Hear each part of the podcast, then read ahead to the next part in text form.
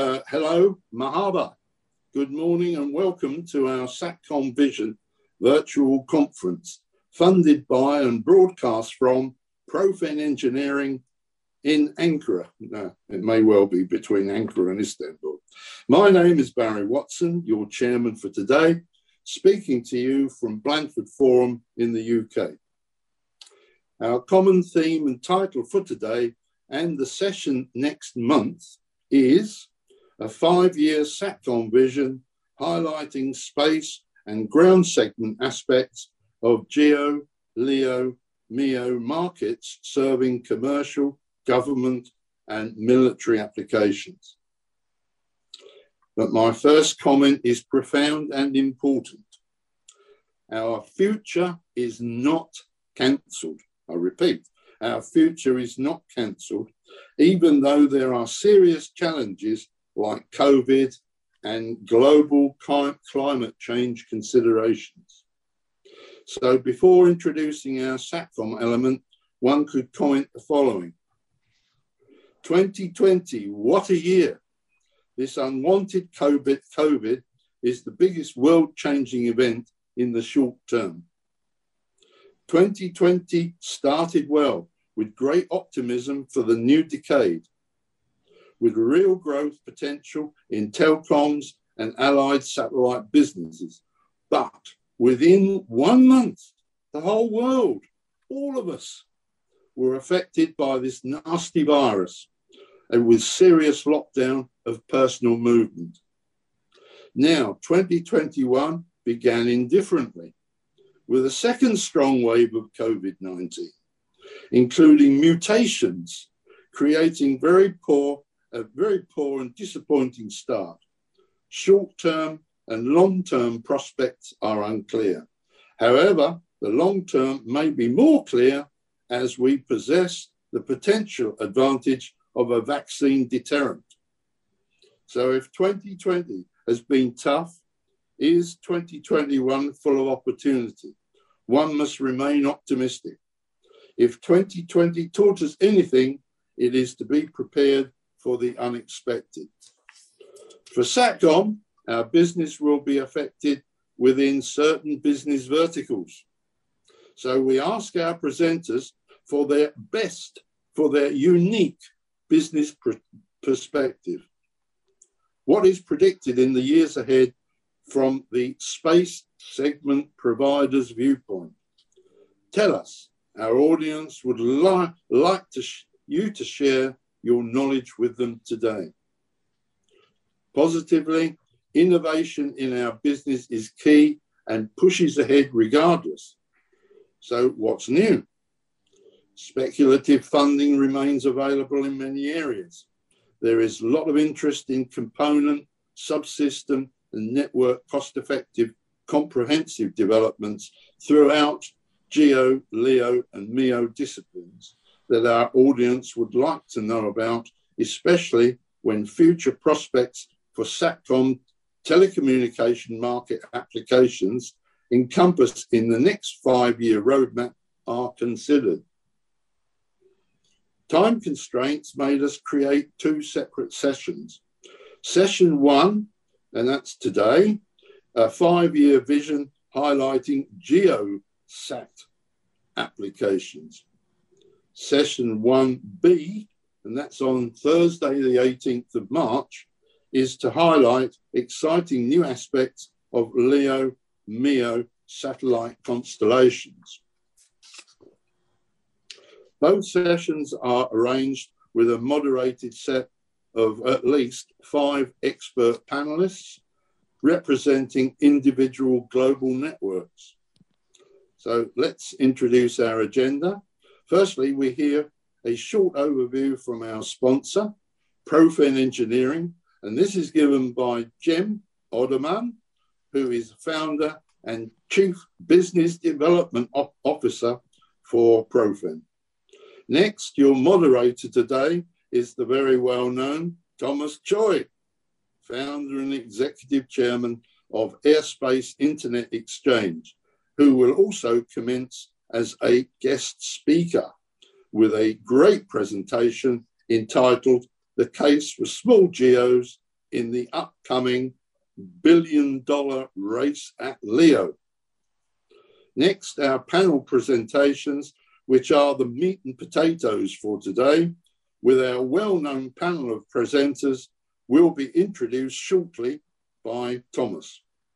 Each panelist will speak for a maximum of 10 minutes each, with an additional time of five minutes for individual questions from the moderator and or our audience. And finally, our format allows for questions to all presenters on the panel for discussion and interaction. To maintain event momentum, any questions from Chim's or Tom's will, uh, presentation will be shoehorned into our panel discussions toward the end of the show. Audience questions, these will be posted on the screen as you we've indicated uh, and on the viewing screen throughout for all to see and read, but you need to press on the button. Needless to say, our moderator is in control of these audience questions. So what is the common subject and title matter of this virtual conference? It is an epoch, very strong word, an epoch. And now a post-COVID SATCOM review with a five-year reach roadmap vision on market applications, technolo technology trends, to support a welcomed, optimistic downstream SATCOM renaissance, another strong word, renaissance success. Essentially, we enter fully the age of widespread digitization and connectivity. 5G really comes in focus. Presentation guidance. Each speaker is asked to provide us with a quick overview of their company, then to provide at least one commercial highlight application and one technical feature of their networks, which distinguishes, characterizes, or differentiates their attractive competitive advantage in the global marketplace. Your audience parting shot this is to all the presenters. Give us a punchy, bouncy presentation as an audience takeaway to remember both you and your company is suggested. Guys, that's enough from me now. So we'll let the meeting begin. So first up is Cem Orderman. And so it's over to you, Cem. Thank you. And enjoy the next two hours, two and a half hours. Thanks. Thank you, Barry.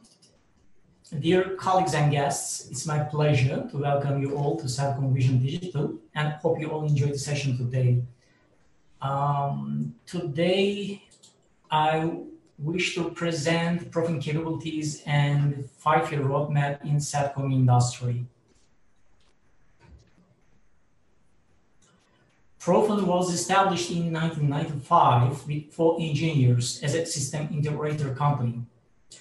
Today, Profen has become an important source in Turkey for communication technologies, defense technologies, teleport and satellite network services, media and broadcast, engineering, procurement, construction, and life sciences.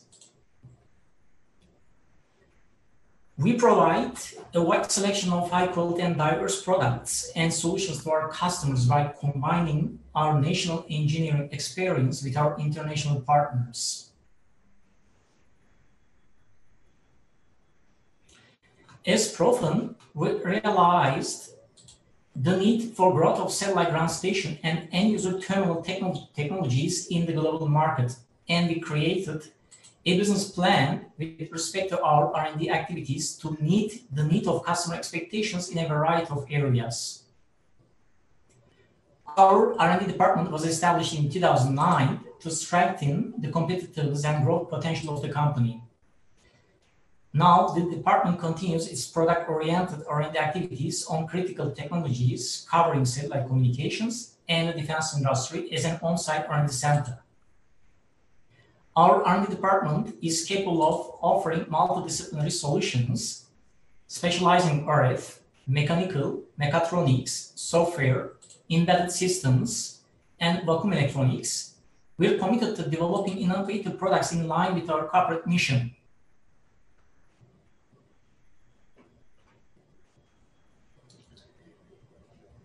With respect to Profen's activities in telecommunications, Profen has played a significant role as Turkey's funded Ka-band teleport operator. We constructed the teleport in Konya in 2016 after comprehensive study from site selection and design to geotechnical and arc surveys. Today, our teleport comprises different sizes of satellite earth stations, ranging from 1.8 meter up to 11 meter, with different frequency bands, C, Ku, and Ka. Uh, we provide secure, high-quality data connectivity to government, enterprise, and retail customers in Turkey and surrounding region. In 2019, we signed an agreement with Turkish Airlines to provide internet connectivity for over 100 narrow-body aircrafts, and we deployed an 11-meter Ku-band Earth station to land the traffic into our gateway. In partnership with Global Eagle, an important player in in-flight entertainment and connectivity market, we completed the first airborne antenna installation in January this year. Thus, Profen became the first local company to ensure onboard connectivity for airline passengers.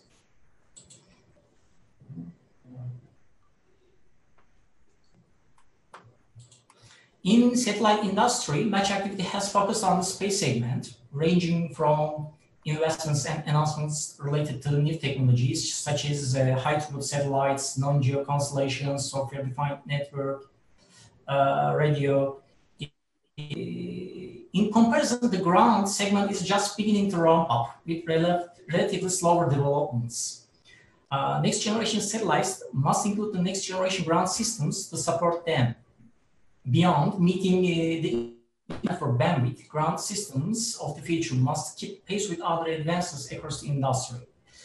As Profen uh, in our five-year roadmap, we targeted to invest, expand, and develop our scope in a broader spectrum of fields, such as X-band pedestal antenna, Q-band earth stations, software-intensive satellite ground systems, cloud computing and artificial intelligence, beam steering, SOTM antenna development, and advanced material studies.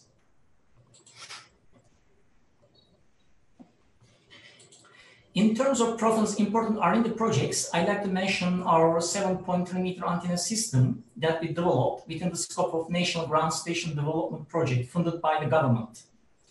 As a main contractor, uh, Profen was responsible for conducting the design, production, and integration of a tracking capable antenna with X and S bands. Now, the antenna was deployed in Ankara and we're running the final acceptance tests. With this project, uh, we have come a long way in the development of carbon fiber reflector antennas with a movement system for two axes. Uh, so it will be an opportunity uh, for us to manufacture X-band pedestal antennas for LEO and MEO constellations in the future. We have implemented another R&D project for satellite earth stations, and we started with design studies of the antenna system that can provide communication in QV band with a diameter of 10 meter. Our motivation to start this project was a result of shifts in the industry towards mid bands from C to KU and from KU to KA. So it's expected that QV band will enhance the performance of the next generation of uh, high throughput satellite programs. Uh, it will enable uh, the offload of satellite links between a satellite and its hubs from KA to KU. Because of that, it's expected to make more bandwidth available for users in KA band. Our aim uh, is to have the prototype at the end of uh, 2022 or early beginning of 2023. Uh, as a last important R&D project, uh, I to talk about airborne SOTM antenna. Plan to develop a platform agnostic panel type Azel antenna system that can both transmit and receive in Ka band. We started our conceptual design studies and in the middle of 2023, we aim to create a prototype product that can meet the technology readiness level 7.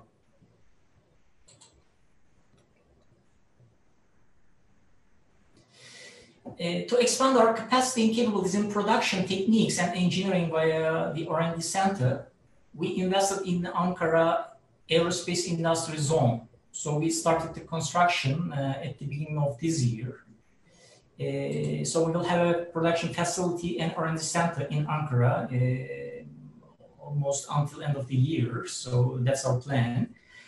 Um, in closing, uh, for over 25 years, we have been continuing to expand our activity fields in a wide uh, scope. Uh, with respect to the uh, satellite space ecosystem, uh, we aim to become one of the few players in the global market with our in-house antenna ground solutions.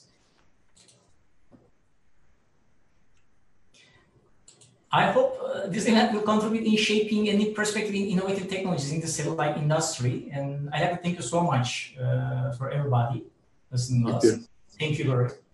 Thank you, Tim. Uh, Tim, um, very good. Thank you. And we wish you all the best for the future in your product development.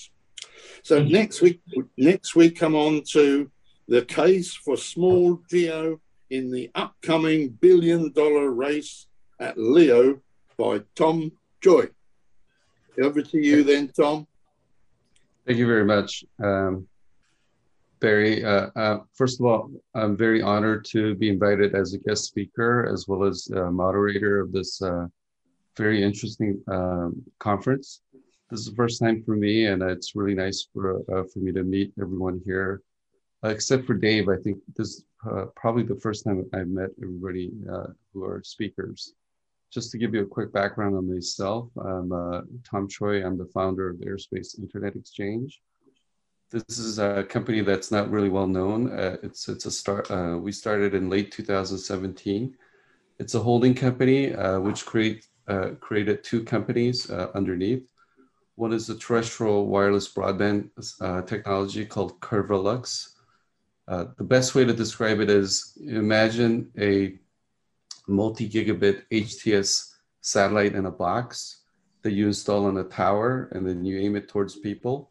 Uh, that's what Curvalux is, and it's a it's a advanced beamforming phase array technologies that are multi gigabits, and it, it provides connectivity to people who are in urban areas and rural areas.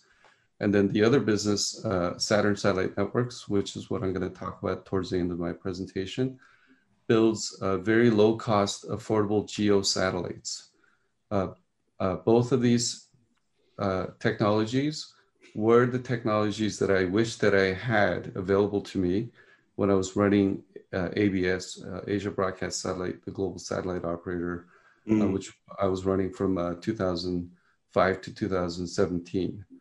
So, um, so you know, before I begin, I wanted to you know touch upon what Barry said uh, 2020 and 21, you know, we're afflicted with uh, COVID, but that's not the only affliction that the, the geo industry, FSS, and the satellite industry is facing.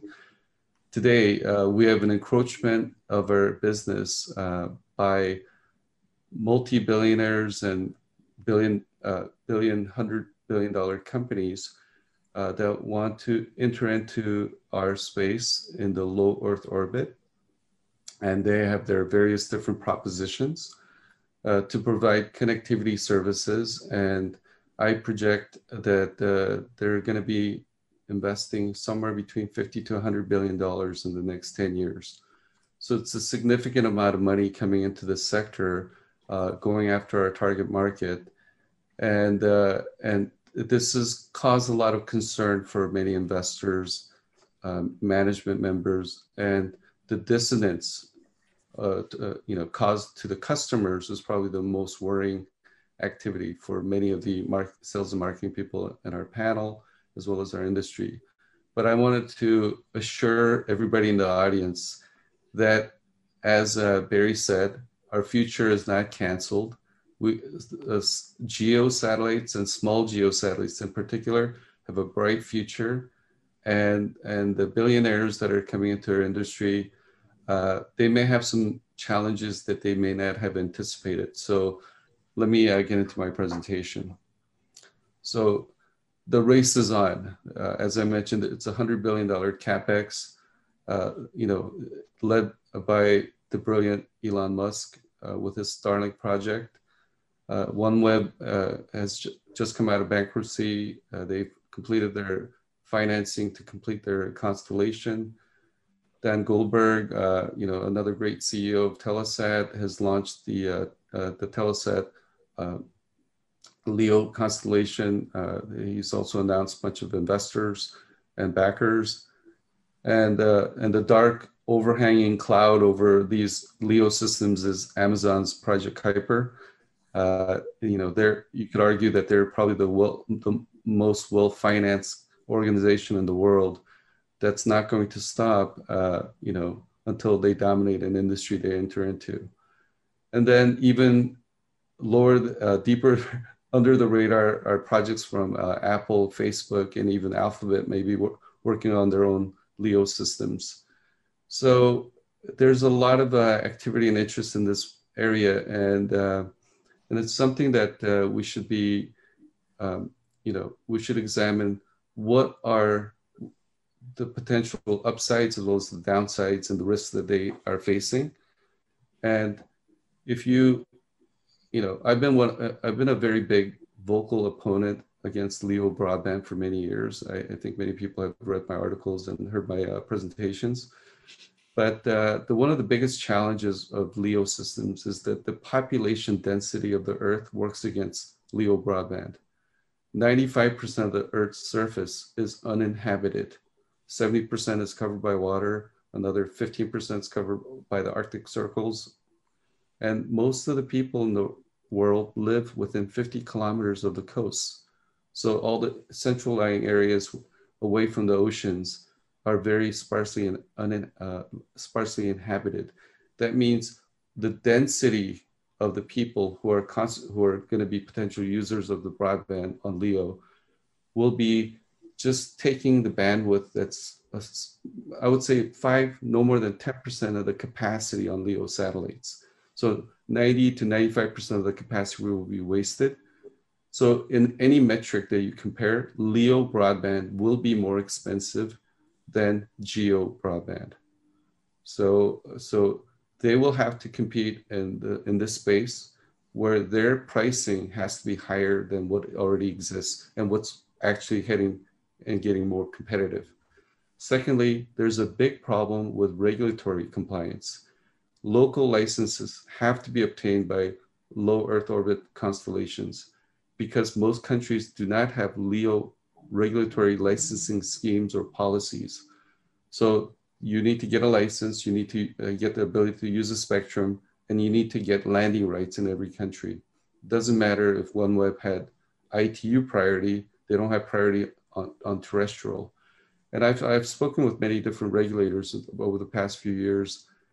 They find it very difficult to give a blanket frequency license to a LEO constellation because if, if they give for example, two gigahertz or three gigahertz in KU or KA, all across the sky, that means they're denying their own terrestrial towers from using that spectrum because the satellites are not at one location like geos, they're constantly moving.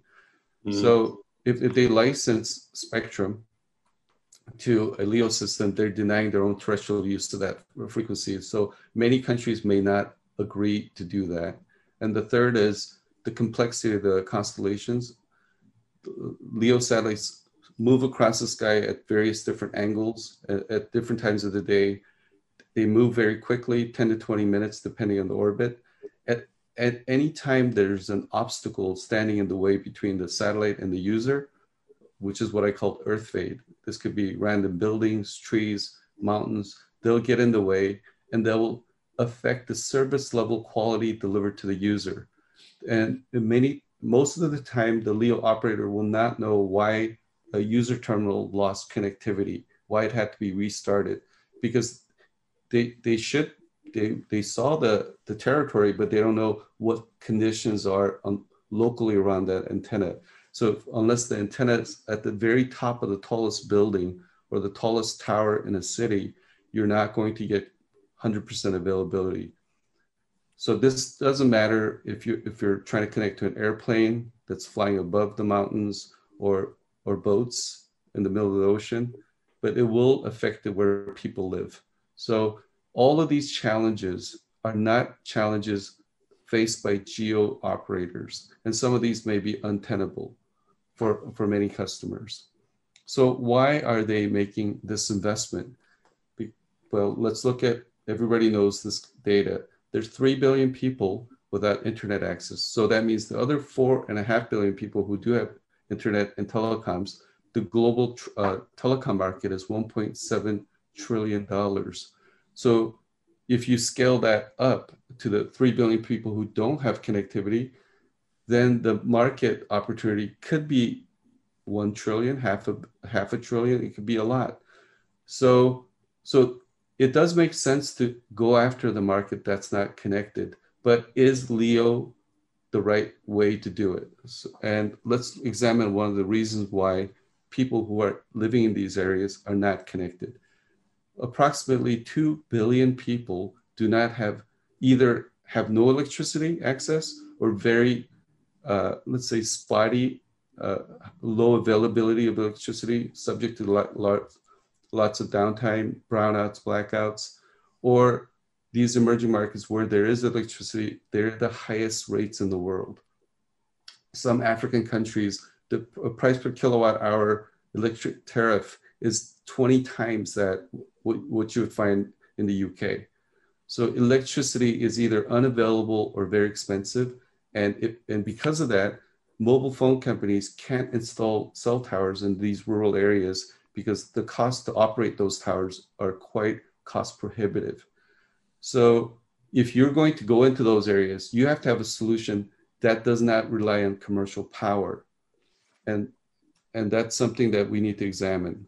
So how well are the LEO programs that we know about, how well are they doing in terms of addressing this $3 billion, uh, 3 billion population market?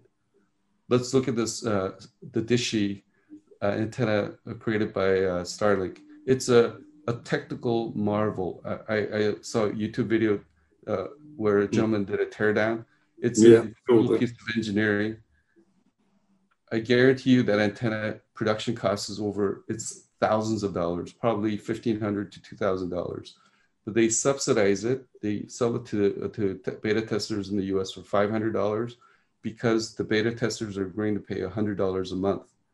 Well, $100 a month times 12 months, that's higher than the average GDP per capita of most of these emerging market countries.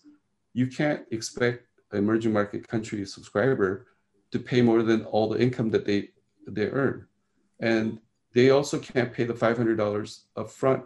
They're usually, if they have a phone, they're using a, a $20 feature phone or $50 smartphone. They're not able to afford $500. And the most important thing, the phased array antenna technology that's deployed by Starlink and every other LEO constellation consumes a lot of electricity. I, I know this because I, I, make phased array antennas, and you need you need electricity to drive the ASICs, to drive the MMICs, the, to drive all the RFICs uh, and the LNAs and the power amplifiers. So the, the Dishy antenna consumes close to 100 watts of power. Well, as I said, Power doesn't exist in these areas.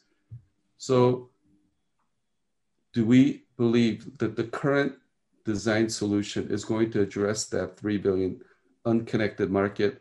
I would, you could answer the uh, question, but I would answer the today's technology that they're deploying is not going to address that market. So let's take a look at the, uh, the, the next 10 years what's going to happen to the FSS industry? This is revenues from C-band, Ku-band, G, uh, GEO HTS, and non-GEO HTS projected for the next 10 years, uh, projected by Northern Sky Research, NSR, they're a very reputable firm. Uh, due to COVID, our, rev our revenues declined from about 13 billion to 12 billion. But over the next eight, nine years, they're projecting our current revenue still nearly double to 25, 26 billion. The, the wide beam business that's doing DTH and video are going to dec- decline over time. The biggest growth they're projecting is actually Geo HTS, perhaps because Geo HTS is going to be more affordable, user terminals are cheaper, and they don't have the all the issues that the LEO systems will have. And the the credit that they're giving to these hundred billion dollar capex projects is only five billion a year in 10 years from now. Well, if you're spending 10 billion a year in capex and you're only generating it revenue 5 billion, you're not going to have any you're not going to have enough revenue to support all these projects. So if you, what happens to a machine if you can't feed the machine? The machine will break down. It's a, and I, I, I look at these LEO systems as very expensive projects. If they don't find some other source of income, some other killer app, then they're gonna die of you know they're going to have a dark winter. They're like giant dinosaurs with big mouths to feed and there's not enough food. So hmm. so let's compare the leo systems with geo and small geo. Uh, i would say a leo constellation most of them that have been announced and funded are roughly 5 billion and above. They're multi terabits of uh, capacity. You get global coverage but the cps are expensive that means you have to charge a lot of money for uh, per user and your power consumption is going to be very high. A geo satellite, roughly 250 million, can get you somewhere between 100 to 200 gigabits. It'll cover about one third of the visible Earth. Uh, CP costs, fortunately, are, uh, are because so many millions have been built, uh, they're around $300 now. And you can actually make money at $20 a month with a, a geo HTS satellite and the power consumption is going to be one tenth that of LEO. A small geo is just takes the benefit of the bigger geo, but the investment is approximately one third. It, you can have as much capacity, slightly less than 100 gigabits, but you only need to cover one or two countries. You don't need to you, you don't need to put the beams everywhere on the Earth. Uh, the, the problem, if you look at the fill rates of HTS satellites, that are regional, that have beams everywhere, they're having very little fill rates because they're having only commercial success in a handful of countries where the other countries, they don't have market access or they don't have the right partnerships to, uh, to get to the end users. So having a small geo is more beneficial because it, uh, it's a smaller investment. If the whole project's 100 million, you only need 20 to 30 million of equity. The rest could be given to you as debt from ECA financing organizations such as ECA, I mean, Exim Bank or uh, Coface or BPI in France. And, and that means you can incrementally grow your business and get a higher rate of return. So what, uh, what we're doing at Saturn is uh, we have developed and we've signed commitments from financing partners to develop a constellation of geo satellites, small geo satellites that will be injected directly into orbit, eight satellites at a time. We call these satellites intelligent space nodes with a dynamic beamforming system, very similar to the ones that were announced by Boeing as well as Airbus and Thales. You can lay down the beams digitally anywhere on the surface of the Earth. You could vary the size of the beams. You could channelize the beams in any bandwidth. And, and the, it's, it's all digital, meaning you can, it's a fungible asset. You don't need to take risk in any one given coverage or location. So we've actually partnered up with a financial firm where we're going to structure these satellites as a lease to satellite operators. So uh, very similar uh, to the airline industry where airlines today, airlines are not buying satellites, they're leasing them and they're selling the seats to the consumers. So we're going to be replicating that model. We'll build these highly flexible satellites very cost effectively. And the best thing is the satellite operators in these tough times, they don't have to allocate their capex to buy these satellites. They'll be just made available on a lease basis. So I, I think given all the problems with LEO and all the challenges that they have, a small geo could be, especially a small geo that you can lease, could be a very attractive alternative for this uh, for the current FSS industry. So thank you. Thank you, Tom. Excellent, good overview, and I'm sure that's going to stimulate a lot of great questions. Mm. Okay, we'll pass it out, pass the um, presenters over to you for your introduction now. So let's go with you now. Thank you. Great. Thank you, Barry. Um, so today uh, we, we have five very excellent speakers from uh, global satellite operators and global service companies. Uh, we're going to start off with uh, Svante Sternborn from uh, Intelsat. Would you like to begin? Yes, thank you. Uh, good afternoon, everyone. And thank you, Profen, for inviting me to the webinar. I'll talk about how satellite can help people and families connect to each other which has become even more important during COVID. So it might be a bit more oriented towards now and over the next couple of years compared to Tom's presentation, but there's certainly some similarities here. Connectivity is not just a nice to have um, anymore, it is really essential. And uh, 3G and 4G networks are playing a much bigger role for everyone's connectivity. And uh, what we learned through the COVID-19 crisis is that uh, millions of people in Europe are working from home. I think we all, you know, have this experience. Uh, you know, we, we're actually not in Istanbul today, uh, so we're all sitting at home doing this, and uh, we all need bandwidth to do it. And uh, a lot of people, you know, 40% of those people working from home were not doing that before the pandemic came. it's a big change, and 3G and 4G networks could really complement and support this requirement that is coming up of bandwidth uh, that sometimes the terrestrial broadband uh, can't supply. Also, students in Europe uh, staying at home, you know, universities shut down and they're studying from home. And actually, that means that millions of students uh, don't even have access to the education for months. And this is, you know, first graders throughout to university. And uh, for these people also, they also going home and doing it. They, they also need sometimes complementing the access to internet uh, to manage their studies. And again, 3G, 4G are then complementing the uh, terrestrial networks that uh, people are used to using, and they get a bit stretched when all these new people are coming on board. Also, new health centers and hospitals um, are coming up, and uh, everything from vaccine centers or test centers, um, they also need to be connected. Uh, everything needs to be measured, needs to be controlled, needs to be communicated. And also here, 3G or 4 net, 4G networks uh, have been used to connect these new sites, and uh, they play a really important role. Now, so um, needs more coverage and bandwidth, but really one question is, what is driving this coverage from the MNO side? Uh, there's actually a few drivers that is, is important to understand what creates that coverage. So I think that one of the, the main drivers for the, from the MNOs or for the MNOs is actually the regulatory requirements. And we see in stronger in some countries and, and less so in some other, but if I use the examples of, of Europe, uh, in some of these European countries, you have a very strong regulator who is regulating the MNOs licenses and they are forcing MNOs to increase the coverage, uh, the broadband connectivity for the, for the MNOs.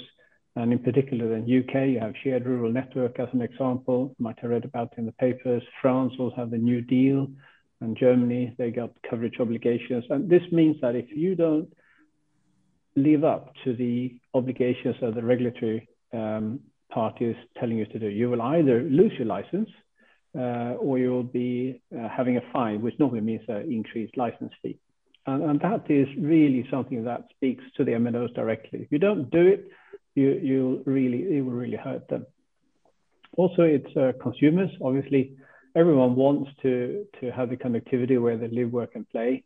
And uh, so the consumers are dictating a bit, of course, where that coverage needs to be uh, by telling the, um, the operators where they need to be. And, and the competition is obviously uh, the one of the drives as well. Uh, people will pick, you know, they will vote with their feet and with the SIM cards. And, uh, you know, if, if an operator, if another one has a better coverage, people switch. You know, transportability uh, of the SIM cards goes very quickly. And if you look at the current situation, you know, there, there are lots of people living and working from home in these rural areas. And Tom, you, you were showing that lots of people, you know, obviously lots of the earth is not populated, but if you just look at the, the basics that we think that, you know, we're all where we are, you know, it's, a, still a large share is, uh, you know, in, in rural areas. Um, and, and even though we talk about 5G and those things, let's not forget that there's a lots of people that doesn't have proper 4G or 3G access. And even if they sometimes have what's called 3G and 4G access, it's not good. And it's certainly not good nowadays when suddenly the whole family, mum and dad, children, everyone's working from home and they have complete different requirements than they had just a couple of months ago. So the, the situation is, is, is changing slightly, but also remember that there's lots of remote areas that is not connected that we think are connected. And today, as, as I'm sure you're aware, that, that you got three primary means of providing backhaul to cells for mobile coverage. So you got fiber, you know, really good for urban, suburban areas. Um, and you got microwave, uh, and then you also have the, the satellite.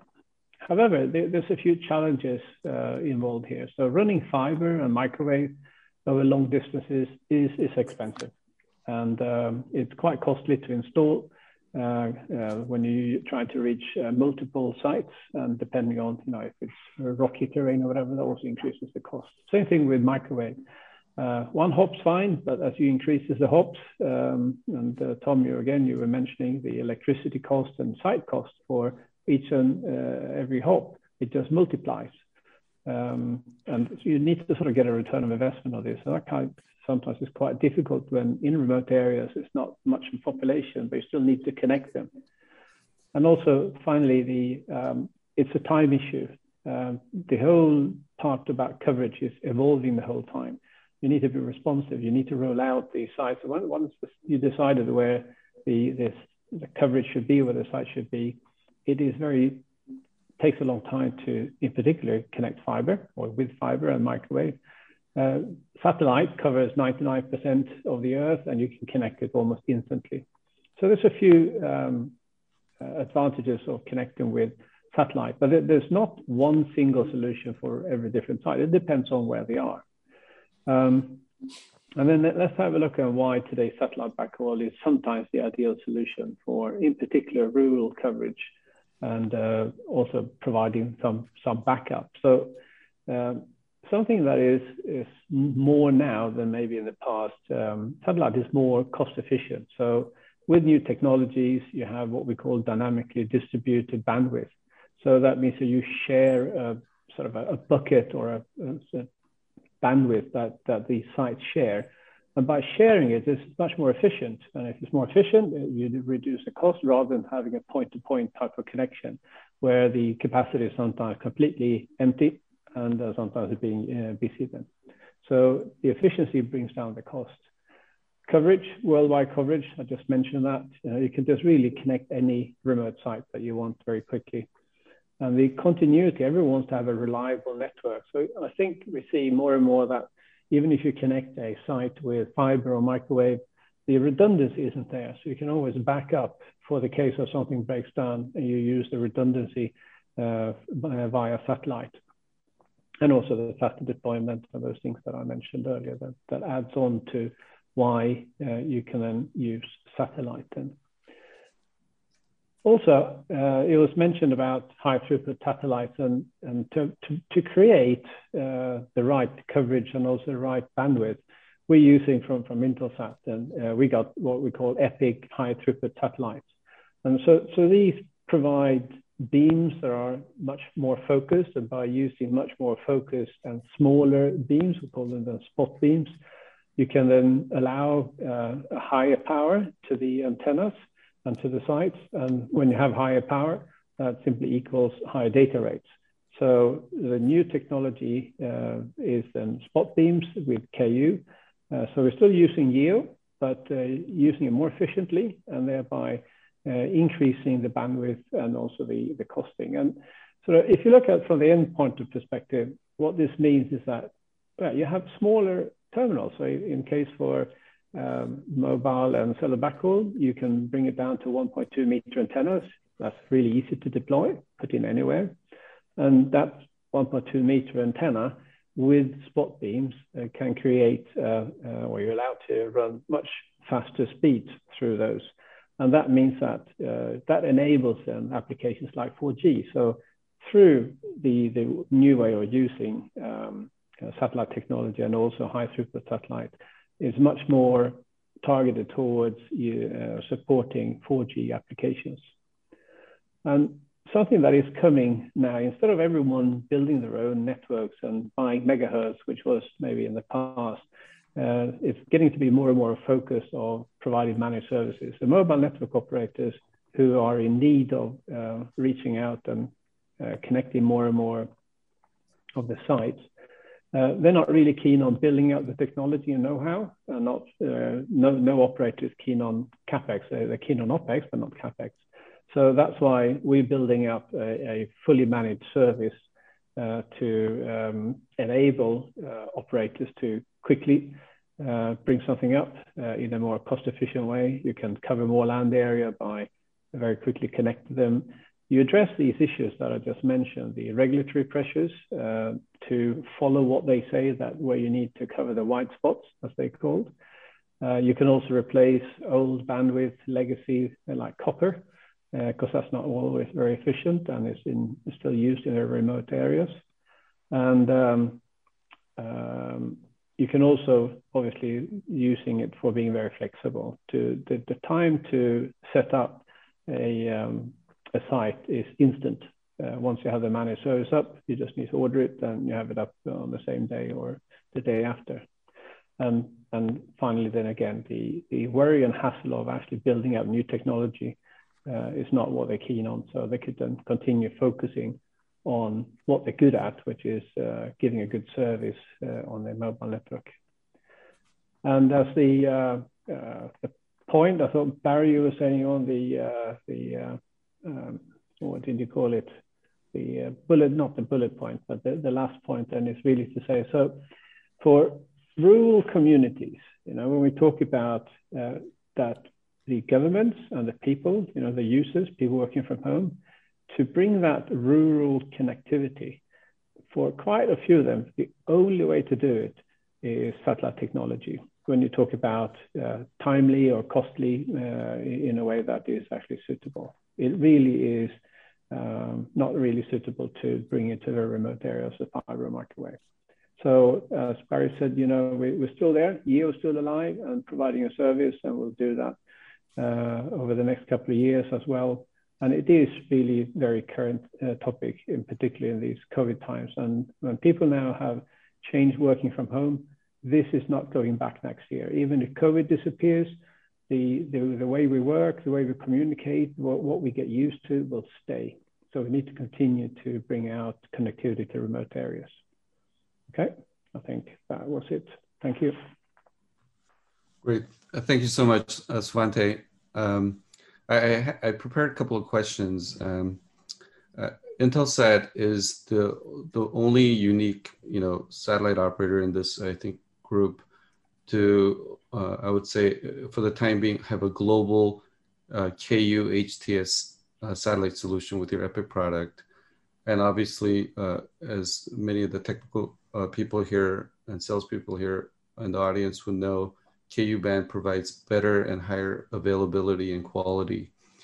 Uh, have you been able to, uh, for the audience's uh, uh, benefit, have you been able to get a higher yield per megahertz per, for your transponders because you have the ability to deliver HTS services in KU band compared to the KA HTS competition? I'm not sure if you create a high yield, you're just simply not included in the or invited to bid when you don't have the availability.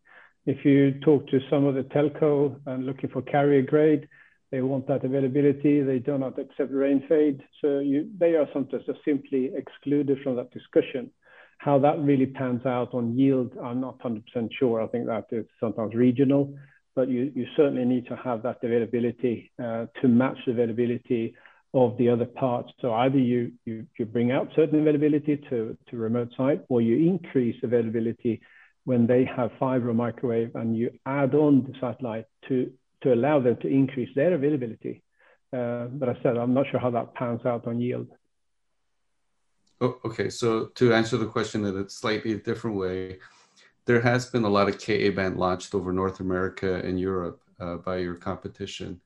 Has that impacted your your fill rates, your revenue, do you have you experienced significant competition for for customers because of the higher capacity, lower cost K band versus what you're offering, or or are you resilient towards those lower quality competition because you have higher availability? No, I don't think you're resilient. I think you have customers, maybe not uh, large telecom operators, but you have some customers where quality is not uh, at the forefront of what they're offering. And, and there you will you will see uh, that you, you, you have a competition that is difficult to beat, and, and that takes a hit on, on yield. If the requirement is not high availability, you, you maybe then compete on on, on a not a level playing field, and uh, sometimes you you give in to that, and sometimes you don't. Okay, so uh, so it's just last quick question because uh, I I think some members of the audience may be interested. Uh, Intelsat will soon come out of bankruptcy with a much lower level of debt, we assume. What what kind of Intelsat do you think the customers should be expecting, and what the competitors should be worried about? Yeah. So first of all, we're not we're not in bankruptcy. so we we're in we have filed for Chapter 11. Yeah, Chapter 11. Sorry, yeah, Chapter yeah. 11 restrictions. So so uh, so Chapter 11 actually means that you're not in bankruptcy. You you you you've got a court who wants to uh, get you out of these proceedings into uh, getting a, having a standing as a company, which is better than it was before you went in. So Intel has got 15 billion in debt uh, laden on many years ago, uh, which been handicapping the company slightly when you want to do new acquisitions, invest in new verticals, which you want to do. So in short, I think that when this process is through, um, we will have uh, less debt and give us flexibility to do things that we maybe weren't allowed or could do before. I'll give you the one example. We just invested in uh, Gogo, uh, the commercial part uh, for in, uh, in-flight entertainment or connectivity. And, and things like that. It's, it's vertical investments uh, into the industry that we need and want to do. And that's difficult if you're laden with such a mountain of debt.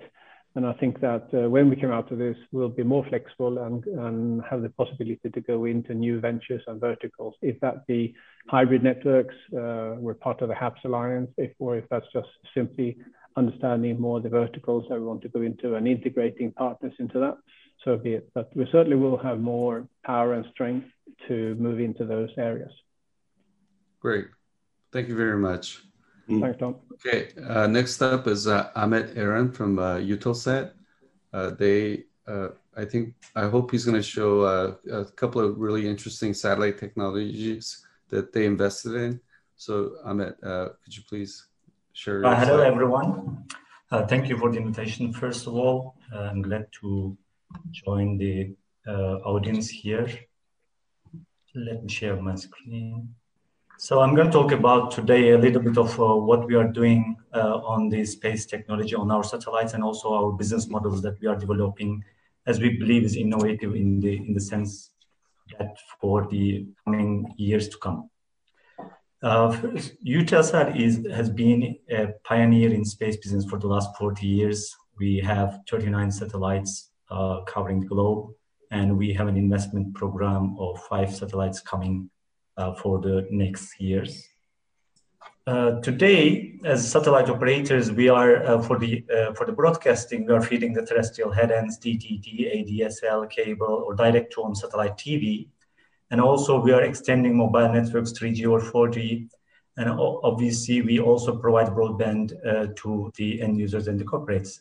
And tomorrow we uh, we see an essential link for the satellites for as an accelerator of mobile coverage and also connected cars uh, for to be used for uh, the satellite services.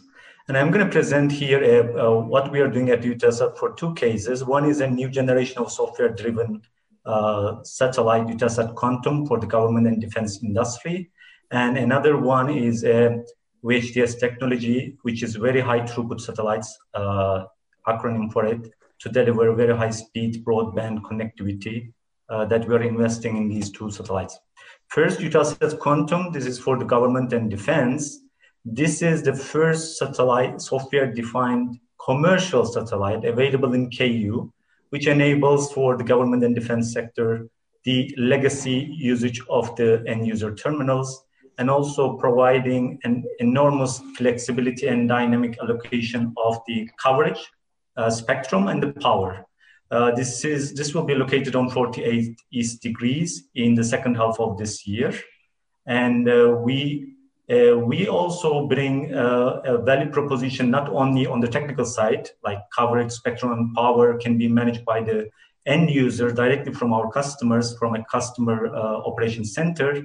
It also has a feature of anti-jamming capability, which is an enormous feature for such government and defense and also a business model where we basically uh, provide a kind of a hosted payload approach in the space business. Normally, as you know, traditionally hosted payloads comes with a, a payload that all, that the government, uh, the government or the end user, the customer, uh, basically onboards on the satellite and have a lifespan of 15, 20 years by the uh, satellite uh, end of life until then. And the business model around is a full contract.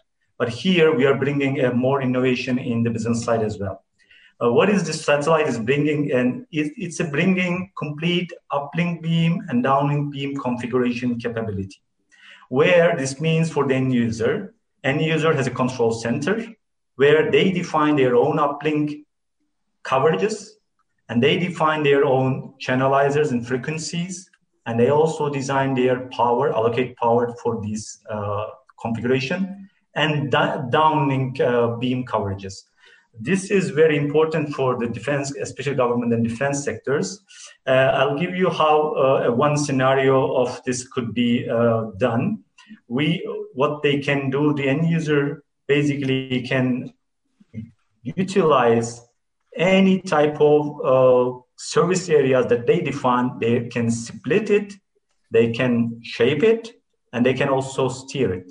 So by time they can also steer the coverage uh, to uh, and the um, shaped beams uh, as, as they require. Uh, the additional feature, which is very important for the government and defense sector, is anti-jamming capability. Traditionally, this is a big issue for the for these type of customers, and obviously, you uh, to acquire an immediate action against and uh, against such jamming or, or jamming is a great uh, importance for such uh, end users. Here we are talking about an identification and geolocation uh, around 10 minutes.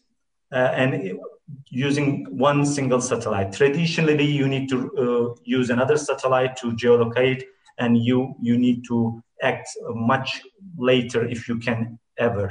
And we also bring here another um, feature, which means if you identify a, a jamming, you can actually uh, have two ways of nulling and uh, spatial isolation, as we call it, to overcome such a uh, challenge. And how we do that is that the, uh, you identify the jammer and identify the uh, first the uh, the disturbance.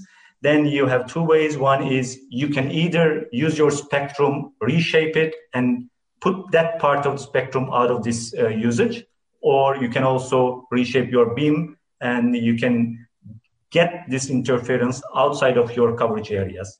So this is uh, this is really giving them a flexibility and agility and immediate action for especially for government and uh, defense users. We come to the commercial VSAT markets. We have an also an innovation there our main vertical markets, as you may, uh, as maybe everybody knows, like we have different civil and government, uh, all main vertical markets, particularly uh, addressing the corporate networks on uh, utilities, oil and gas, construction, agriculture, banking. We have lots of uh, such customers in these verticals. And they usually mainly why they use VSAT is main connectivity in these regions, business continuity as a backup, like 15% as we uh, talk.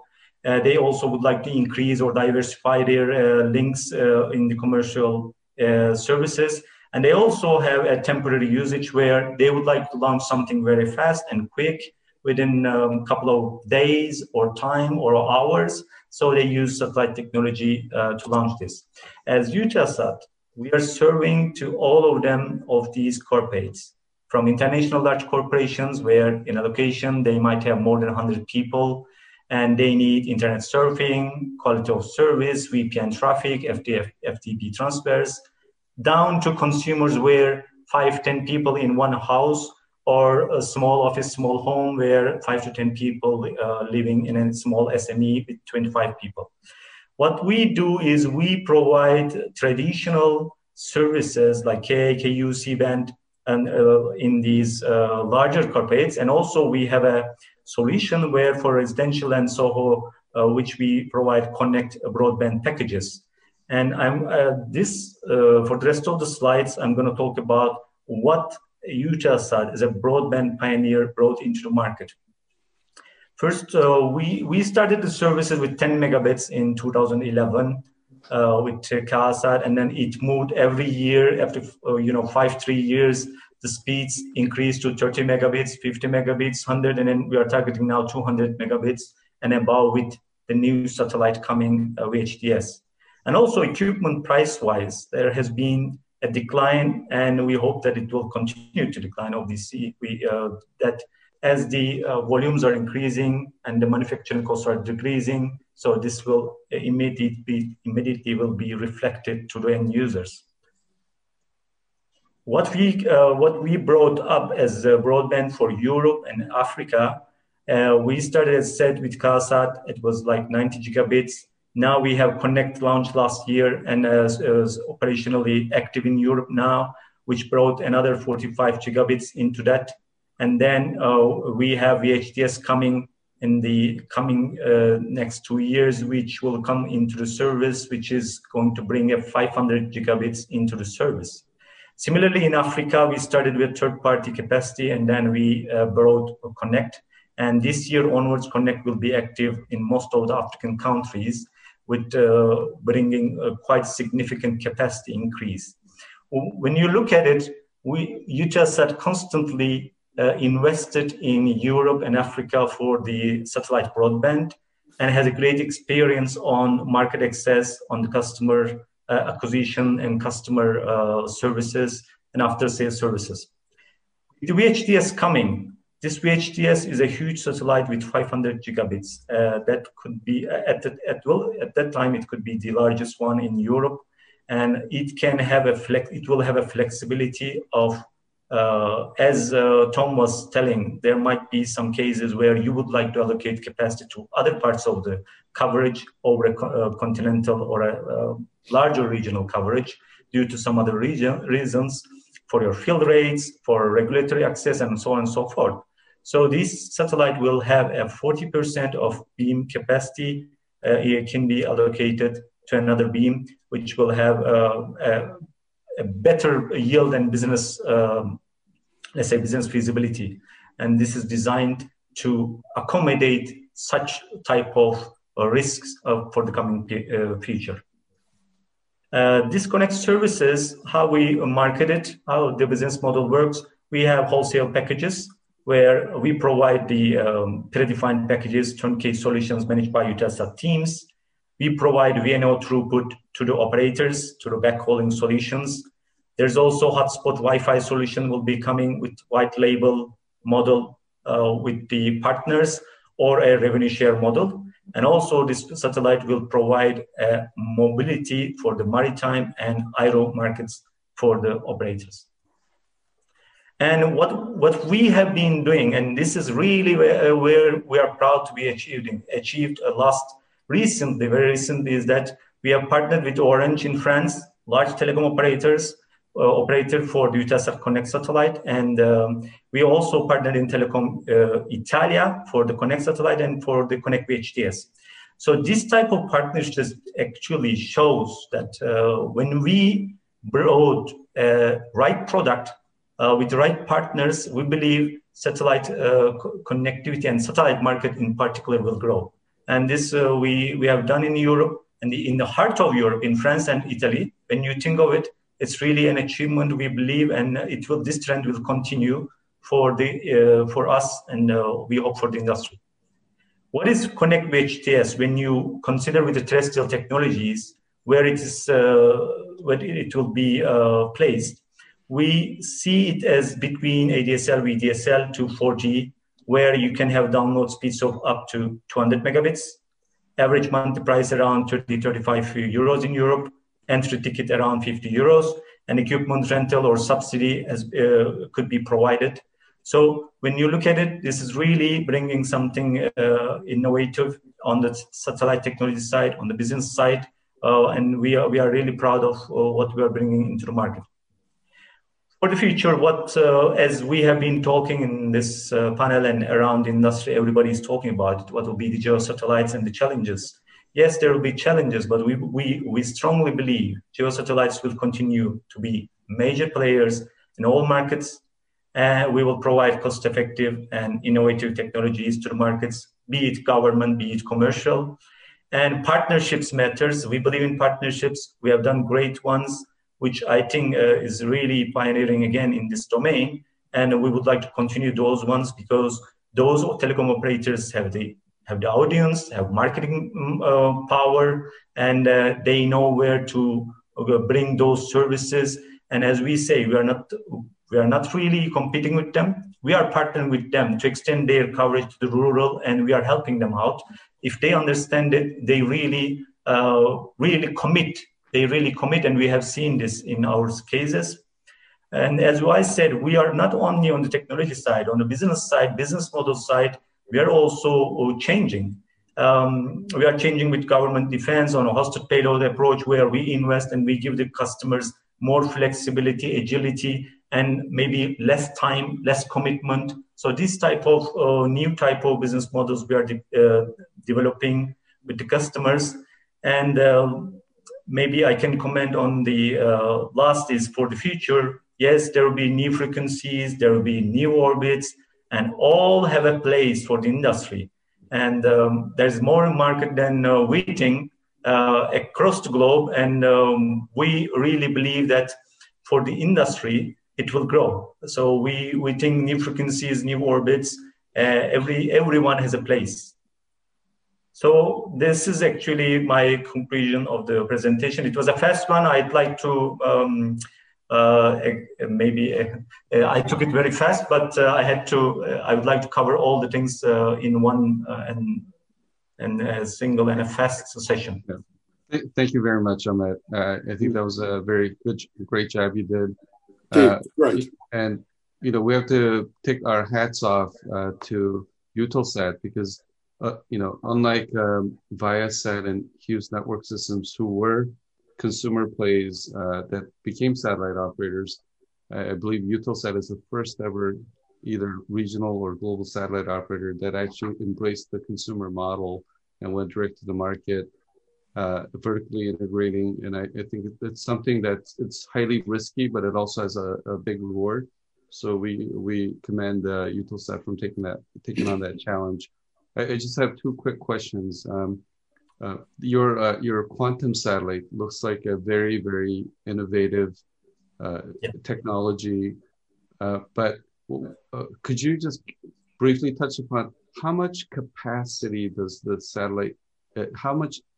How many beams or megahertz can it can it calculate? You know, in terms of beamforming, compared to like a standard you know bent pipe satellite. And my yeah, we have we have eight uh, uplink and downlink uh, uh, beams, and we, we have 12 channelizers, and it's corresponding for like 1,000 megahertz per polarization, 2,000 megahertz in total. Um, and the customers will have an access exclusively based on the beam coverage or the uh, frequencies that they, they would like to. This frequency range starts from 13 gigahertz up to 14.5, which is, as you know, like uh, Appendix 30B, extended and standard KU, uh, all uh, will, will have all access. And the best thing, actually, what we believe is that uh, it can work with the legacy uh, user terminals, which will uh, also gives a, great comfort for the end users who would like to commit on such such capacity. And um, the end users could choose based on uh, their frequency and uh, their beam exclusive. And then they can use this, as I said, with their agility requirements, service areas. They can, they can really do a very flexible thing And we believe this brings an innovation into the government and defense sector on a commercial basis, obviously. Great, great. Uh, thank you. Uh, you you answered the second part of my question already, so I'm going to skip to the, the okay. last question. Uh, your uh, VHTS satellite looks uh, quite amazing and capable, and we wish you success getting that completed. Uh, as you saw recently, finishing very large, high capacity HTS satellites can take time. It's a challenge. I think Viasat 3 is delayed. Uh, you know, HNS just announced that the, their Jupiter satellites delayed as well. But yeah. we hope that you can finish your satellite on time. But can, can I ask, uh, using your chart, Europe has a much smaller population than Africa, but the amount of capacity that you're putting over Europe is about eight times more than Africa, where you know Africa is actually a strong market for Eutelsat. Is there some reason why you've uh, decided to more focus its energy and capex over Europe versus a, a landmass that's, you know, I think seemingly much more needing the bandwidth? No, actually, uh, uh, when we look at it today, we are providing Europe with connect uh, 45 gigabits, and then for Africa, it's 30 gigabits. So the difference is not that much, but we need to also uh, think of uh, like uh, uh, the deals that we have done with Telecom Italia and Orange and then the VHTS coming, which is giving a, ramp up for the European coverage. Oh, that, that is basically the main reason why. Actually, we have deals, well, large telco deals, and of course, we have committed a VHTS on five, 500 gigabit capacity. But today, the capacity between Europe and Africa is not that, uh, that much of a scale. But obviously, uh, in, initially, we have to also consider that initially the first uh, Eutelsat KA uh, story started in Europe, so it has it has a basis and uh, it has a history around it. But still, today I must say African uh, capacity is quite uh, comparably um, close to European capacity now, and uh, we will be uh, commercializing them for the throughout the year. I believe. Great, thank you very much. Thank you. Okay, uh, next we have uh, Deepu Pillai from SES. So um, uh, I am representing the strategy and the market intelligence department of SES. Um, and today I would be presenting on the major market trends, um, the uh, challenges, um, the revenue opportunities, and um, how we at SES is addressing some of those opportunities and challenges by building our capabilities. So uh, this is a very interesting uh, slide to start with uh, as it presents our satellite industry in the perspective of the bigger telecom and cloud market. So you can see that uh, compared to the telecom and cloud market, uh, which is more than 2.4 trillion dollar, uh, we are a very small portion, like we are less than 1% of the total industry. And I would say this is more like a small ant sitting over an elephant. But uh, you can uh, being small is not that bad because you can see that uh, the telecom and cloud market is expected to grow to close to 6 trillion US dollar uh, in the next four five years. And uh, the majority of this growth is going to be driven by applications like 5G, Internet of Things, uh, the cloud applications, the billions of video streams that are going to be consumed. So um, as an industry, we stand a bigger chance uh, in terms of like billions of dollars of new revenue opportunities if we can penetrate successfully into these uh, these markets. Like even if we increase our share by say one percent uh, in this big market, it represents a uh, huge huge proportion. And uh, let's take a look at the uh, current situation of the SATCOM value chain. So you can see that uh, on the upstream side, there are few companies who design and manufacture satellites there are the launchers, then there are the terminal vendors. And on the downstream side, we have uh, the satellite operators as well as the service providers. But you can also see that uh, the fortune is lying at the bottom of the pyramid, which is the service business. And this is one of the reasons why, why, many of these players are kind of integrating downwards. And we are actually kind of rolling out the managed service solutions and uh, we can kind of uh, help our customers and the partners like Profen uh, to increase their share in this uh, service market uh, using our managed solutions and capabilities. So um, this slide, I have tried to kind of capture the major trends and the disruptions that are happening in the market and uh, try to put into these categories. Uh, so uh, obviously everyone knows like we have the no new non-geo constellations and the very high throughput constellations that is coming. Um, we we are currently the like only operating uh, uh, non-geo broadband constellations uh, and we would be kind of launching our O3b mPOWER uh, that will come into service next year then uh, as uh, uh, as it is already been mentioned there is a new spectrum that is coming into the market the q band v band uh, the optical links.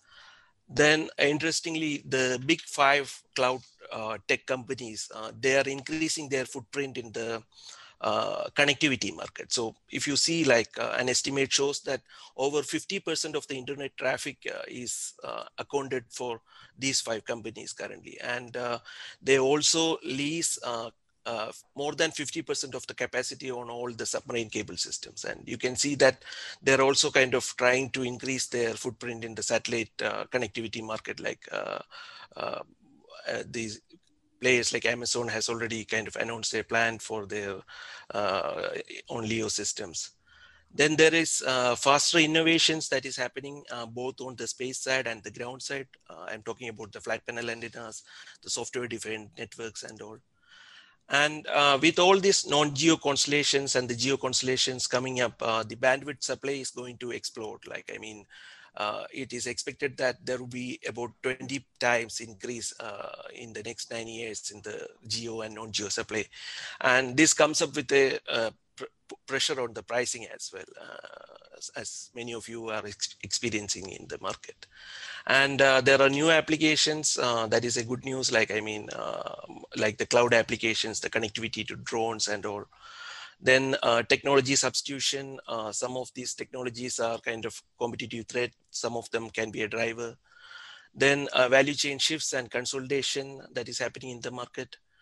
Then there is also like a lot of new business models that is being introduced in the market. Like, I mean, uh, earlier uh, it used to be like a customer comes and sign up for a ca capacity for like a long term, but now we are talking about more revenue sharing models, pay as you go. So I would say we are more replicating the business models that is in the mobile operator telco world and embracing them into the satellite market. Uh, then uh, there is a seismic shift in the media consumption from linear to non-linear that is putting a pressure on our customers as well. Like, so um, taking talking about the capacity supply. Uh, so this is a map showing the high throughput capacity supply additions in the next five years across all the global regions. So you can see that uh, compared to the last five years where the capacity additions was most uh, mostly focused over the Americas market, uh, in the next five years, the uh, capacity supply additions is going to have a true global impact like it is because uh, of the global constellations that is adding capacity across all the regions and even in over the oceans. Uh, but another thing to notice is that even though there is a big jump in the regional capacity addition, uh, the capacity availability over a particular uh, point or a particular city that is still going to be limited because of the spot beam architecture. So tom has obviously brought a valid point like uh, the demand is not distributed as the capacity addition. So the ability of the high throughput systems, uh, for example, like our mPOWER to dynamically add capacity where it is required. Uh, that would be a key differentiator, I would say, because as you see, like, I mean, uh, in case of Asia, if you take out China and uh, India, like, I mean, uh, you are not talking about, you're talking about a very fragmented market uh, with fragmented demand. Then um, this along with the capacity additions, we also see that uh, the cost base of the capacity coming up, uh, coming down drastically. So compared to the uh, wide beam capacity or the earlier high throughput systems, uh, we are now talking about the cost per bit uh, that is uh, in single digits.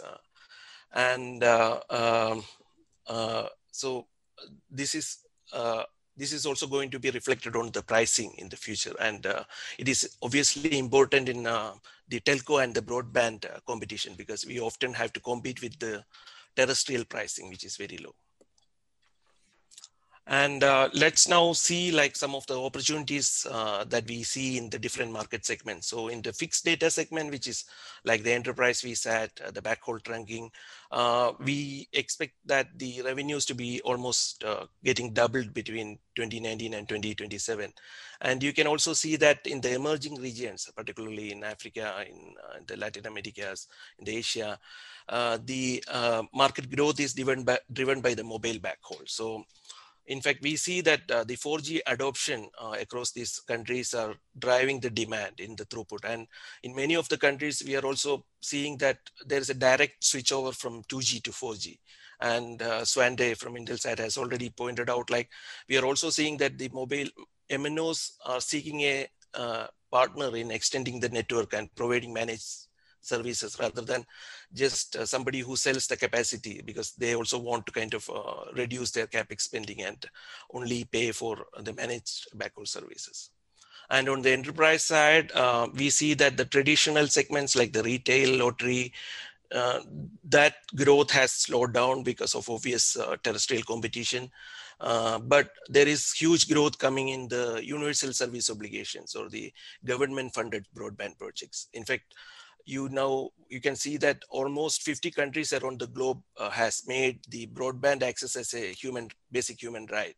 And this trend is going to increase and we estimate that the government will be funding uh, the global governments will be funding almost uh, 2 trillion us dollars in the next 5 years for increasing the digital access and we see uh, good opportunities in say Indonesia, the BAKTI project, in India, the BharatNet broadband project, uh, in MinTIC, uh, we have been involved in the, uh, in the, in Colombia, we have been involved in the Wi-Fi hotspot projects. So uh, these are some of the bigger opportunities we see.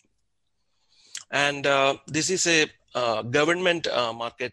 so you can see that uh, the major regions where we see an increase in the revenues and which applications are essentially driving these revenues. So you can see that the Middle East, Africa, and the Asia Pacific region, they are going to add uh, be add significant uh, service revenue opportunities in the next uh, uh 10 years. And uh, in fact, we see that in the market currently. We see a good traction for our MEO capacity in uh, the Middle East Africa market. And this is especially also going to be true in the markets like uh, Turkey, uh, where the government funded broadband projects and uh, say the connectivity to the refugee camps, uh, which are bordering the uh, conflict regions, that is going to create a huge demand going forward. And uh, the maritime and energy segment, so um, it's not as showing as good growth because of the COVID pandemic has hit this segment.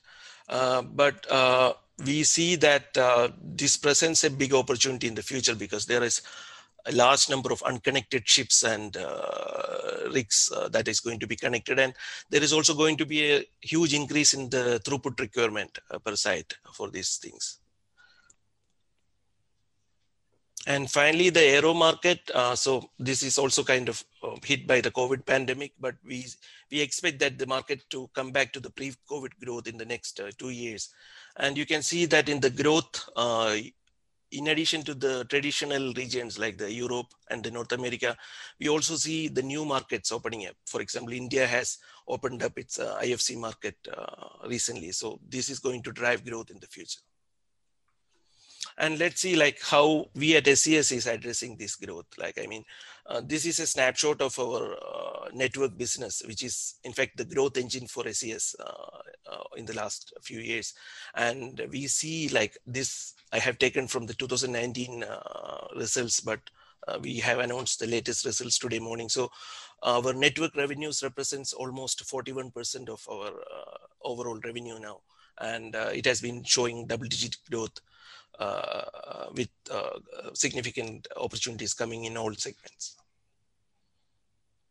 And on the final slide, um, so we are currently building up our capabilities uh, to address some of these opportunities that I have mentioned before. Like, I mean, uh, so we are differentiating from the competition because we are currently the uh, only operator with a unique geo MEO architecture and uh, which is orchestrated uh, by an intelligent network management system. And we have a full portfolio of uh, managed solutions to cater to the service segments. And we are also making sure that when we do this, we are integrating with the telco and the cloud standard so that uh, the customers can feel a seamless experience. And uh, on the mPOWER side, like uh, we have uh, we have been in discussion for like uh, opportunities for having a gateway in Turkey so that we can serve the 5G and the cloud market in that country because 5G is going to be rolling out in that country pretty soon. So um, that's it uh, from my side. Uh, well done. Thank you. Great. Yeah, brilliant. Good job. Thanks. Th thank you, Deepu. Uh, I think everybody recognizes that the O3b mPOWER is a remarkable piece of uh, aerospace engineering and a very complicated network infrastructure to, to manage. Uh, but I'm certain that the, the good people at Boeing will be able to build those satellites and, uh, and your engineers will be able to, to uh, build out the software backend. Uh, how could, could you just give us an idea of how, how well is the take up of mm -hmm mPOWER. Uh, yeah. What percentage of the, the network's capacity do you think it'll, it, you will have filled or committed for prior, you know, at the launch date? And uh, and could you tell us how much more in terms of growth it's going to be adding to your uh, top line revenue? Yeah, I can address that because uh, we, uh, if you see our financial results today, like uh, we have announced some specific numbers also uh, on the uh, backlog on SES 17 and mPOWER. So you, uh, I think it's we have now close to 740 million uh, that is uh, uh, euros committed on this uh, mPOWER and SES 17. And the recent years, the, the, the recent months, the take up has been uh, pretty high, like I would say uh, almost 40% increase in the take up of these systems in the in the last quarter alone. so, but we expect, like I mean, um, since we are nearing the launch, uh, there would be an increased take up and uh, there could be like the customers who are currently using our uh, current system and there would be like new customers because mPOWER would obviously be opening up a whole new set of markets. Like, I mean, uh, like I mean, uh, direct access to the mobile towers, uh, the cloud market, the connectivity to the smaller cruises. So uh, it would be kind of creating a, a huge pipeline. Yeah.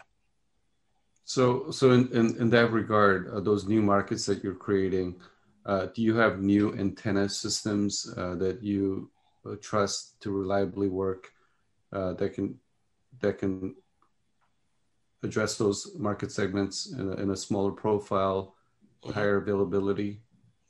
That's also a good point tom because as you said like i mean the antenna cost would be of course a major uh, factor if you are uh, targeting the smaller data link segment. So in fact, uh, you can see we have been working closely with our terminal vendors like uh, Isotropic, uh, where we have made a huge investment recently, and also kind of uh, uh, the operators, the terminal vendors like Alka and Viasat to develop application-specific antennas. And you can also expect a significant improvement in the in the terminal cost, which would enable uh, or unlock uh, these new opportunities. Yeah. Okay, great. And one final short question. Uh, just a, a, year and a half ago, I believe, uh, SES made a filing for a LEO constellation mm -hmm.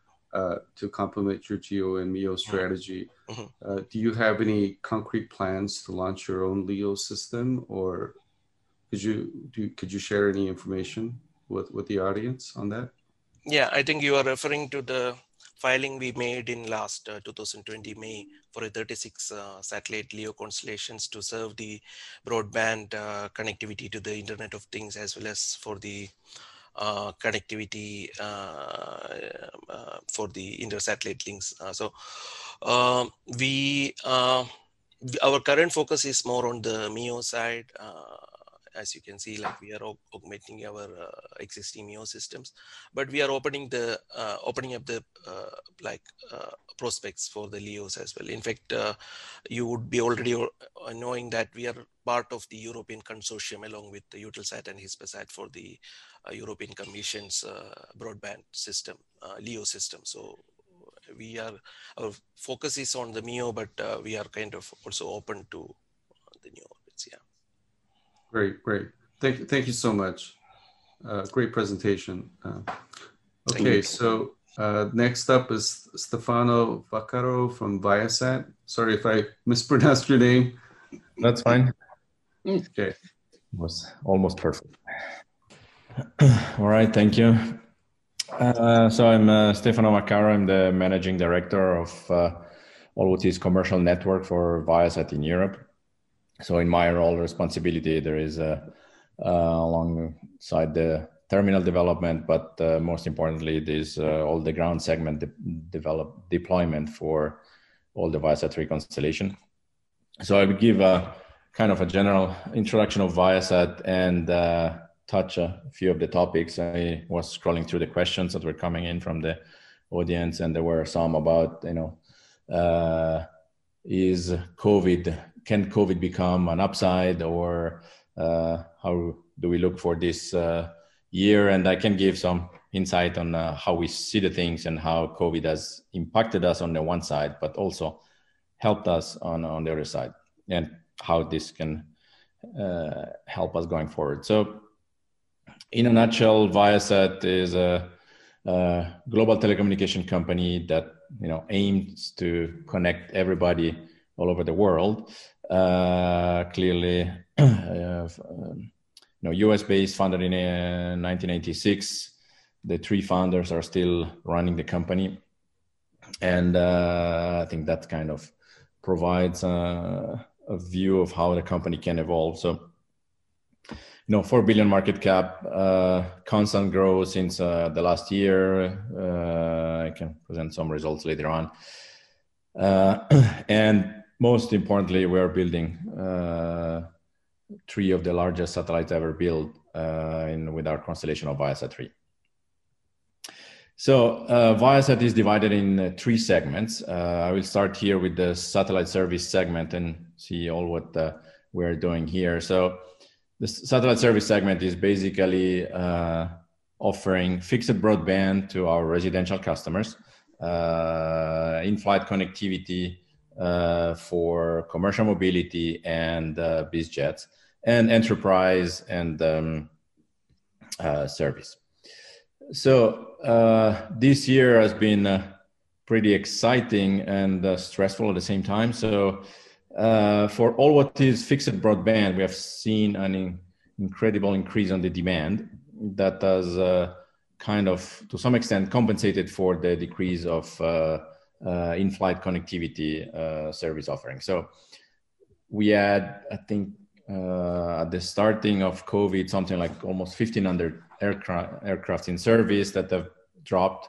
but what we see now is a con- constant uh, grow in the in the in-flight connectivity, and we've been able to announce two major airlines during this uh, uh, COVID uh, situation, so KLM and, uh, and Delta.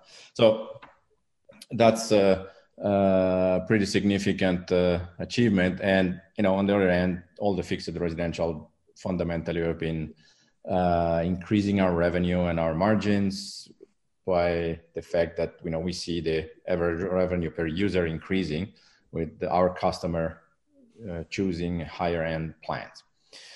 There are a few other things that happened recently. We announced the acquisition of RigNet that will help us in our broadband services. Uh, and that's uh, something that uh, will happen, and the acquisition of the KA-SAT satellite uh, from Eutelsat. So the other important segment that uh, uh, contributes to our growth is our governance uh, system. I think there has been a, a, small impact, mainly due to the slow process of uh, all the uh, administrative uh, aspects on the, um, the, awards, but fundamentally, it's a segment that has been performing pretty well and not too much impacted by COVID. and finally, commercial network. Uh, this is the segment that basically develops uh, our satellites, our uh, ground segment, our terminal, and basically, you know, accomplishes our vertical integration. So we have some external sales, uh, but uh, we're not predominantly selling through this service. Now, in terms of uh, results, uh, as you can see, uh, this year or the last you know few quarters, we have been constantly growing with a significant uh, or a slight slowdown in in Q1 fiscal year 20, 21, which is basically March to June fiscal year um, 2020 when COVID started. So that was when we had to really uh, restructure a bit of uh, our business and and make sure that uh, we're focusing on the business that will continue and grow with COVID. So and the results have been uh, immediate in the next quarter. With this last quarter, has been particularly good one.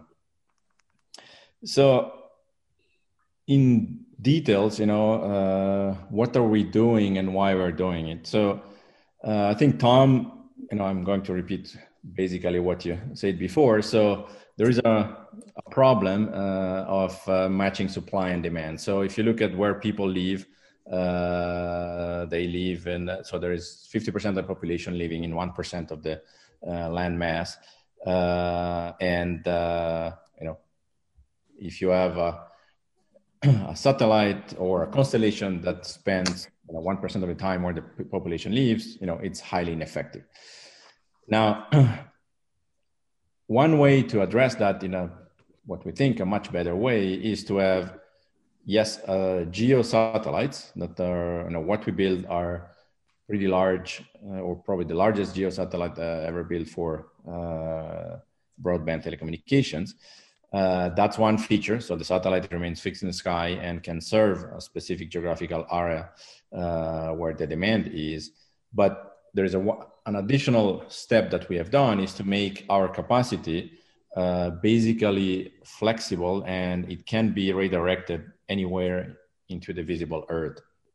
So, and that allows us to really, you know, of course, start the business where the demand is, you know, low hanging fruits in the countries where we already have business and so on. But then uh, gradually uh, move the capacity in other areas so that we can test the market there. And if um, there is a demand and we are successful, we can add more capacity going forward in those specific areas. So the Viasat constellation will be will have, will have visible Earth coverage, and it would be not only bring a huge amount of capacity in areas where we can, but also help us test out markets with the very minimum risk. so yeah, I think this is uh, the steps we have been taking. So starting from uh, Viasat one, one uh, domestic, Viasat two regional, and Viasat three we're going to go global. Uh, in terms of bandwidth economics, so not only we have been building very large, so larger and larger satellites, but the most important features that we've been bringing in is the bandwidth economics have been going down significantly. So basically, uh, you know, launching a satellite and having a ground segment is uh, costing all the same amount of money. Uh, what we've been able to do is really create this huge amount of capacity, and you can see that uh, with respect to the you know uh, historical satellites, we can have 500 times more capacity and 400 times reduction in capacity cost. So that's key to allow us to go after all kind of different markets that go from you know very demanding uh, high-end uh, uh, government executive uh, down to you know residential and even further test out new business models in regions like Africa or Mexico. So how we have been able to achieve this uh, improvement in the bandwidth economics is fundamentally through our vertical integration. So uh, here is a snapshot of all our systems. So basically, what we do is developing all the sing- every single component of the system and optimize the entire uh, chain so that uh, uh, we can really make trades. You know, you're talking before about the cost of the terminal um, with respect to certain features. So fundamentally, uh, we can play on all the elements of the network and make sure that if we invest maybe, I don't know, uh, $10 more in our terminal, there is a return over investment over the entire capacity of the satellite. So we can play with all these features to make sure that whatever we build uh, has the is the most optimized system uh, that we can uh, and generate and the most importantly the most productive system that we can have. so what what does this in practice? So uh, this is an example of what our vertical integration can do. So if you see on the left, this is the telecommunication panel of our uh, Viasat 1 satellite uh, with tubes, tubes, waveguides, and all kind of components. And if you see here uh, is the one of the telecommunication module of Viasat 3, where we moved from you know uh, tubes and waveguides into a solid state payload. Uh, and these two elements have the same capacity.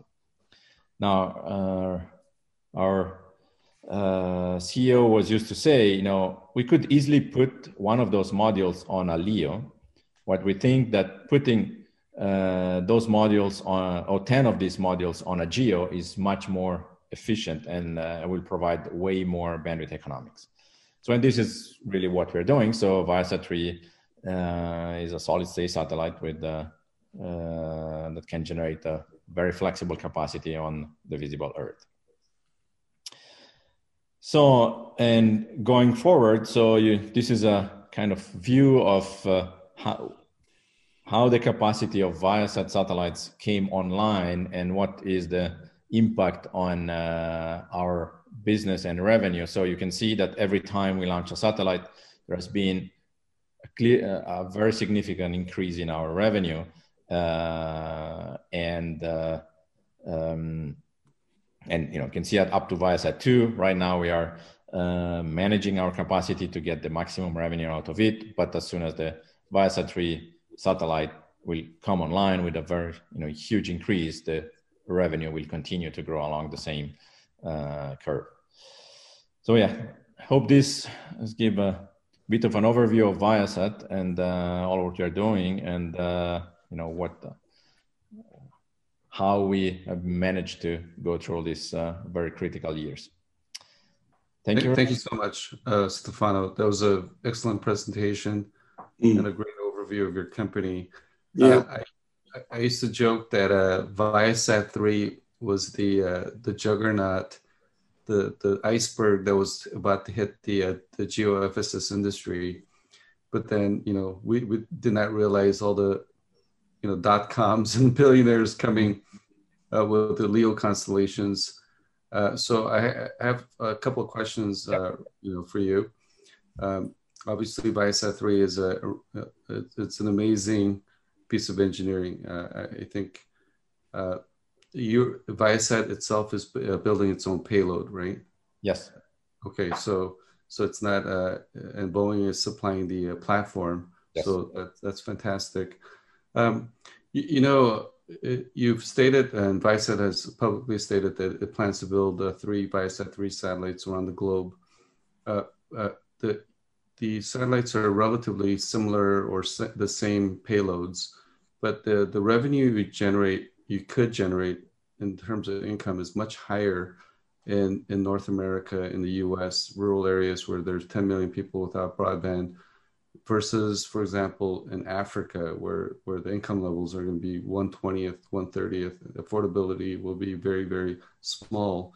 So do you, does Viasat have a different application or strategy to get the same yield per megahertz or megabit or gigabit from Africa or the other emerging markets like Southeast Asia compared to the, the current business model that you have in North America? Uh, the short answer is yes. So we we have already with, within the Viasat 2 and uh, Viasat 1 different business model in uh, in the Americas where in North America we have clearly a residential uh, direct to market uh, business while for example in Mexico we have uh, Wi-Fi hotspots. So where we are basically using the same residential terminal, deploying it in rural areas, and uh, we have all kind of uh, monetization models that uh, use that. So the result is that you know the same residential terminal at the end of the day generates more revenue in Mexico than it does in the US with the same bandwidth or you know similar bandwidth consumption. So uh, clearly every user doesn't have the same access of capacity like it has you know residential user uh, but the model works very well in uh, this rural area so and these are the type of um, uh, strategies we have to be able to uh, go after very very different markets you know uh, north america versus certain rural area in mexico or you know europe and africa Okay, uh, great, thank you. And uh, you know, due to COVID nineteen, uh, a lot of people have been working from home. People have been running away from cities, going to rural areas. Uh, how has the how's this you know pandemic affected your consumer business in North America? Have you seen an uptick in demand, increase in revenue? Uh, could you speak a little bit about that, please? Yes. So clearly, there has been a an increase in demand, not only in new subscribers, but also in the uh, type of uh, service the subscribers are asking. So this is um, appears in our uh, results where you know the service business has had more margin, uh, more EBITDA this quarter than uh, than a quarter before, and uh, at the same time, the net adds didn't increase. Uh, so, but we are really managing the capacity uh, to make sure that we serve our customer in the best way uh, and also allow for uh, commercial mobility air, aircraft to come online in the next uh, months. So it's right now it's really managing the capacity to make sure that we can fit all the customers that we have and make sure that we can monetize in the best way what we have. Okay, Great, great. Th- thank you. I, I have more questions for you, but uh, you know we're running over at least. Time's running out. Yeah. So uh, we'll move on to uh, Dave Rabin, uh, who used to be a colleague of mine when I was at Hughes. I've been uh, been friends with him or knowing him for more than twenty years. So um, he's the last, but uh, not the least. so so we look forward to Dave's presentation. Thank you. Thanks a lot, Tom. And um, you know, it, it's a it's a pleasure to join you, and uh, it's been a good conversation. So hopefully, I'll contribute um, something meaningful to this conversation. Uh, just a little bit about Hughes. Uh, we're we're a combination of satellite operator as well as a technology provider. The markets that we serve um, run the gamut uh, I, I, think we're probably best known for uh, the consumer market. Uh, we have established a, a, pretty good service in, in the Americas. We have about 1.5 million terminals that are, that are served with our capacity uh, over the Americas.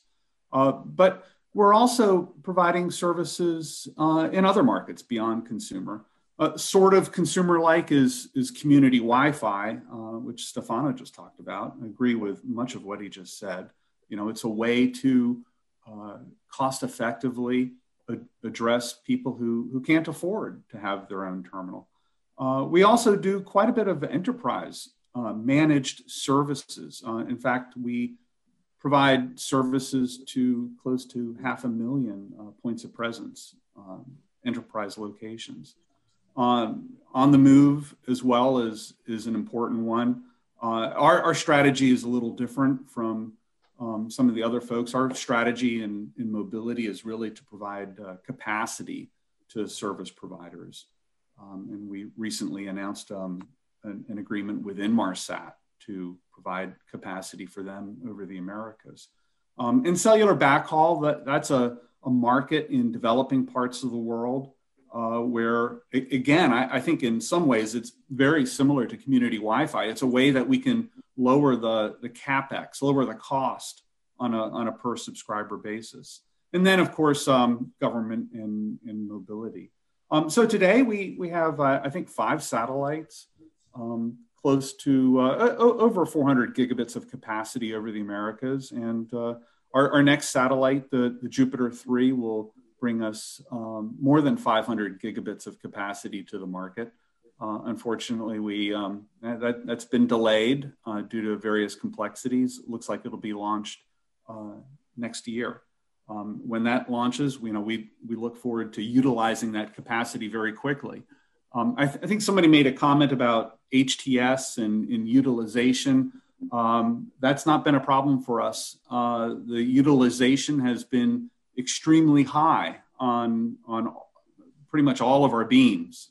Um, and you know, if if I look at what happened in, in 2020, and, and I look at some of these markets, um, you know, and, and, and, the impact of the pandemic on, on the consumer side, as, as well as digital divide, uh, what we've seen, and again, I, I, echo what Stefano was just talking about, um, you know, people working from home, governments wanting to uh, provide uh, good services to residents in, in rural and developing areas has just really driven demand for internet connectivity. Um, and, and so the, the challenge for us has been to manage that demand. When we look at other markets, it's, uh, you know, when you look at, at enterprise, you know, frankly, we saw a lot of enterprises uh, delay investments.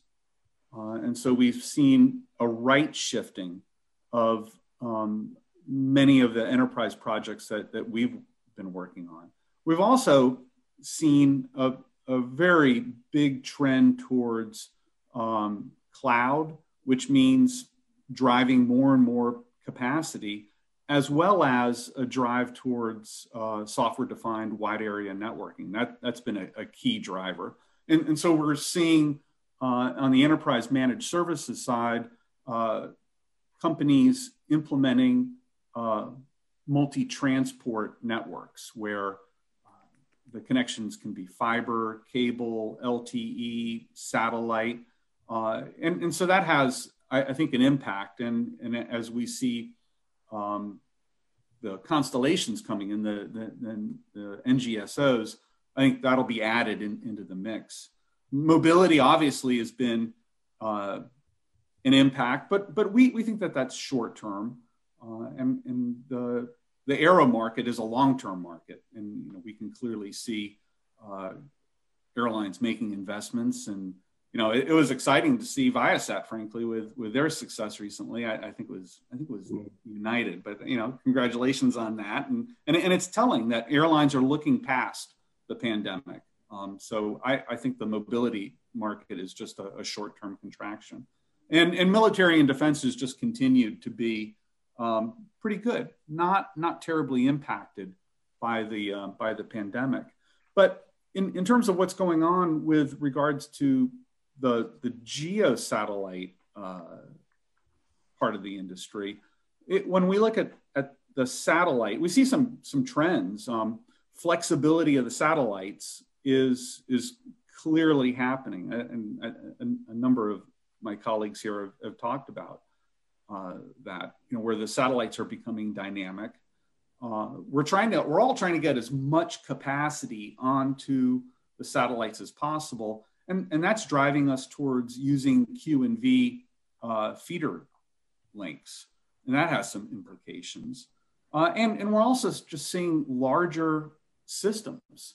Uh, you know, when we talk about uh, hundreds and hundreds of gigabits of capacity. That those are large, complex systems, and so this is driving some interesting trends, including, uh, I, I, think, extensive virtualization uh, of particularly the the gateway systems.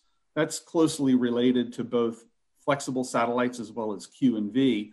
The the virtualization allows us to um, basically have a pool of compute power that we can use as needed. And, and that lends itself towards scalability of the gateway infrastructure. Uh, we're also seeing wideband uh, transponders or beams, 500 megahertz or more, and that's pushing towards um, multi-carrier wideband modems, uh, modulators, demodulators, so that we can have um, greater efficiency on the, on the gateway side.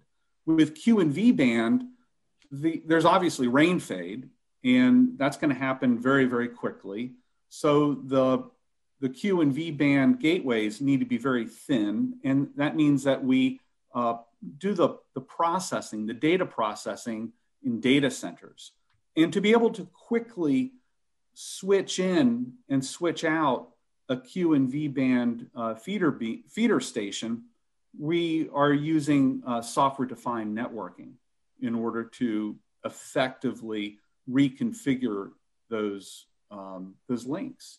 Um, supporting the flexible satellites means that um, we need to have APIs to external resource managers so we can quickly reconfigure uh, the, the ground system and synchronize with the satellite uh, and accommodate the, the changes. And then finally, with the larger implementations and more and more systems, uh, we're, we're, looking at artificial intelligence and machine learning to um, drive network operations. From our perspective, uh, what, one of the one of the trends or things that we're really focused on is getting the best possible remote terminal uh, cost performance. Uh, and, and when what we think we've done a pretty good job of doing is um, driving more and more megabits through the terminal at a lower cost point.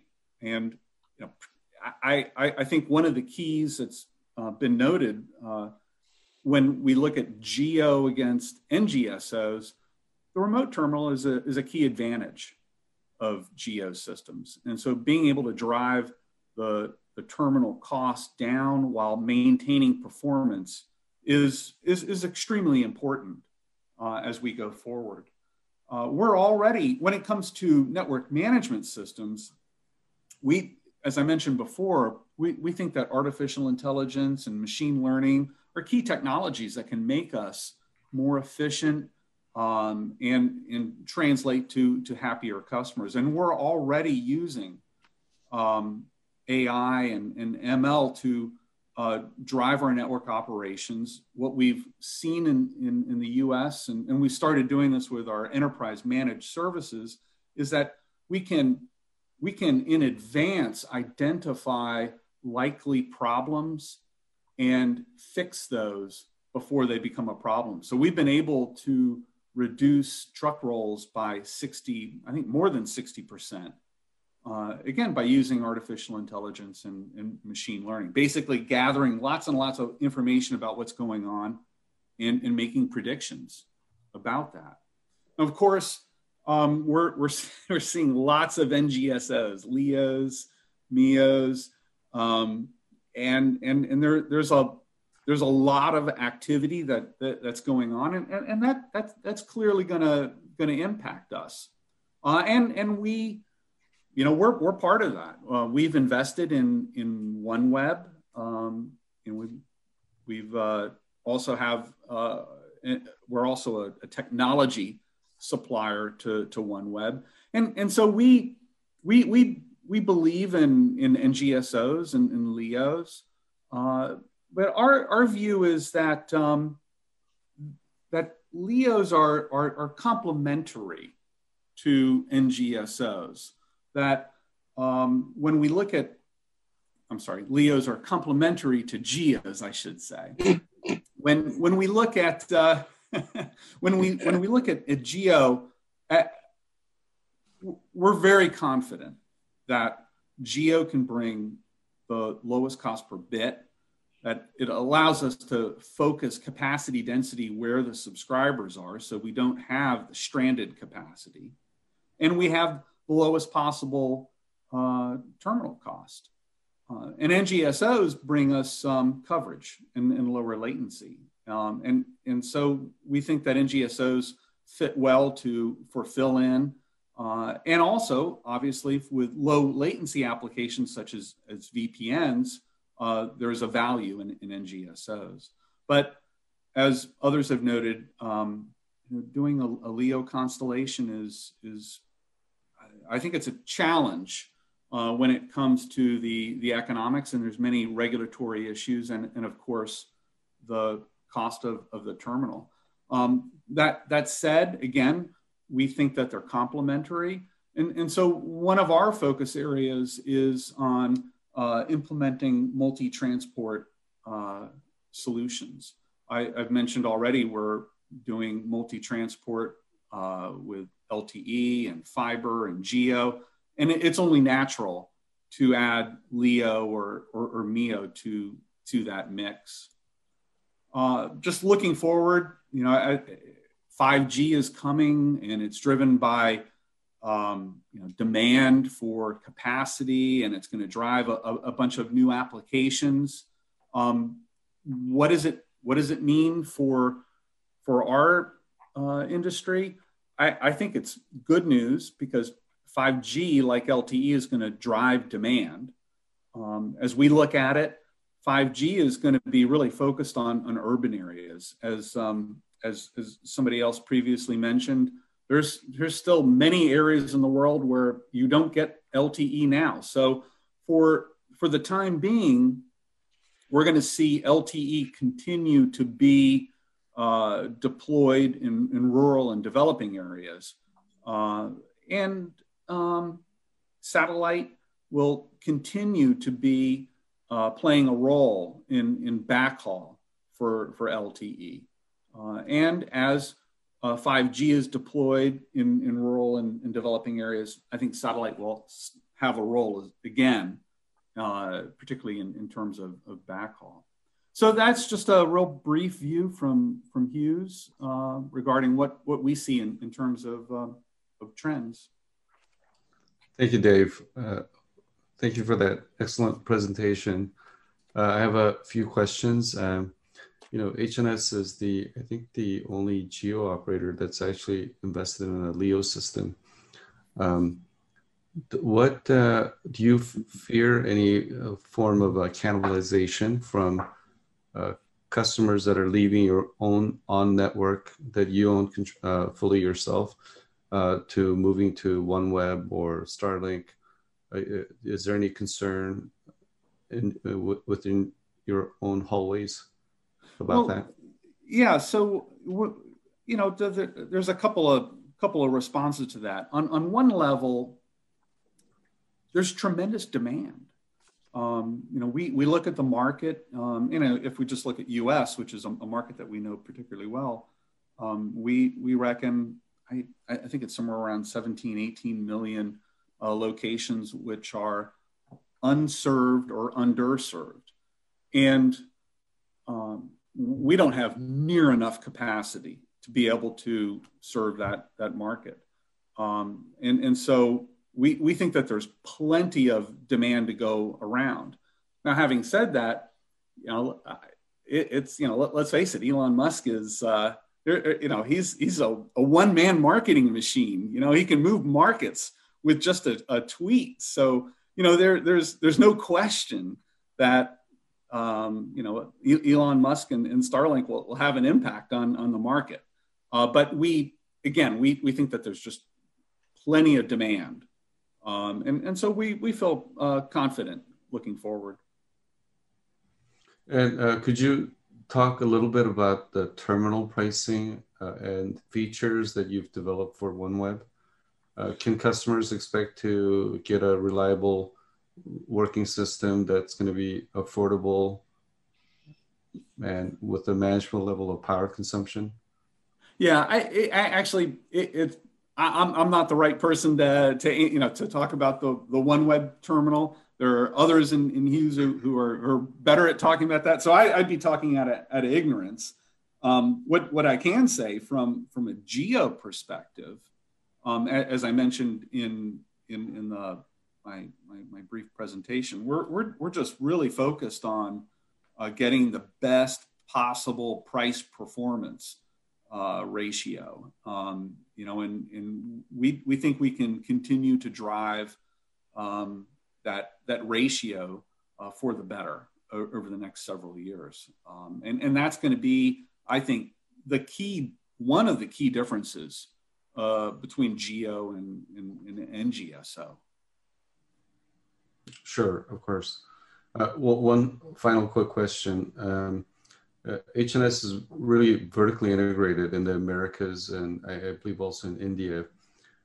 Uh, but you're not a satellite operator in India due to regulatory constraints. But is there any plans uh, uh, at HNS to expand out to Asia to do a, a Jupiter type of satellite over the Asia Pacific or Africa, uh, where you would also vertically integrate those markets as well?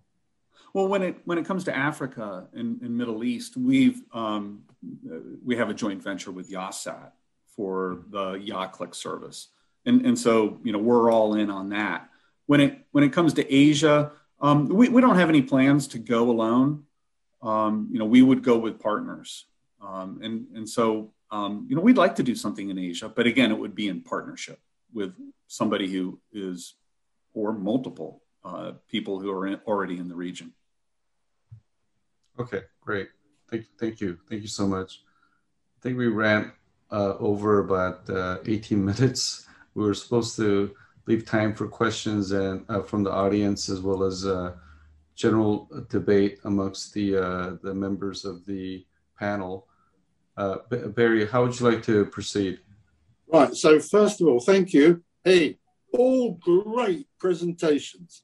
Let me say that great presentations. And I think the, the audience is appreciating that. Um, I'll come in here interjecting because there is a poll that we would like you to, the audience, to fill in. Now, I understand that you can see that on the screen. Uh, I can see it on my screen. So if you could take one minute, uh, audience, to complete that form, the poll form, the polling form, then we would certainly appreciate it. So that, that's great. So now, as far as the next bit is concerned, the Q&A session. So um, uh, Tom, if you can press on with that, and yeah. we shall carry on until at least, um, well, our time, 1600 hours Turkish time. So I will say a few things after that, uh, and there we are. So I think the content this morning's been great. The questions thus far answered very well and great presenters. I am so happy. Yeah, I definitely agree. Uh, thank you, all, all, the presenters and panelists. Uh, I have some general questions uh, that I prepared. Um, I think it applies to everybody uh, in the panel. Uh, recently, as we're all aware, um, there's been a, a, big reshifting of C-band spectrum, what they call mid-band spectrum from satellite to uh, 5G. Mm-hmm. in the US, FCC moved about 300 megahertz uh, and leaving only 200 megahertz of standard C left for satellites. And they recently announced they're going to move 500 megahertz from 1225 to 1275, which have been traditionally allocated for KU band. So, you know, at least in in the other regions, uh, Ku-band downlink, um, that frequency might be used for uplink. So I, I believe, you know, uh, the trend of moving satellite spectrum away from space to terrestrial is going to continue. If you if you see the the mid-band auction, it generated 80 billion dollars for the treasury. and, and mobile operators who are generating income, a lot more income, they get much more I, I believe, utility out of uh, the mobile spectrum being used, you know, in tiny little microcells compared to satellites.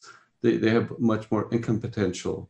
So I think this trend is not going to stop. It's going to continue. So how, how does your respective organizations uh, manage your potential loss of spectrum in terms of planning your frequencies for your next set, of satellites or constellations? I, know this is not an easy question to answer, but but if somebody would like to take that on, uh, we'd be delighted to hear it.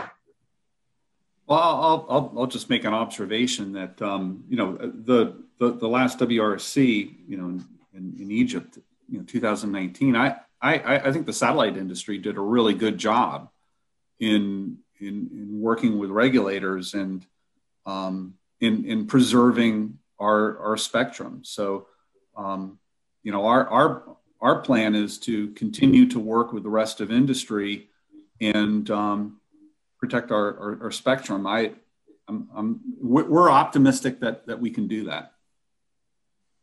Um, yeah, I would also resonate with uh, Dave. Like, uh, it's important uh, to kind of closely coordinate with the regulators in, in this aspect. So, for us, SES, like uh, we have been kind of closely working with FCC in the US. So, uh, we are on track to meet the end 2021 and end 2023 clearing deadlines and realize this 4 billion accelerated relocation pay payment uh, from FCC.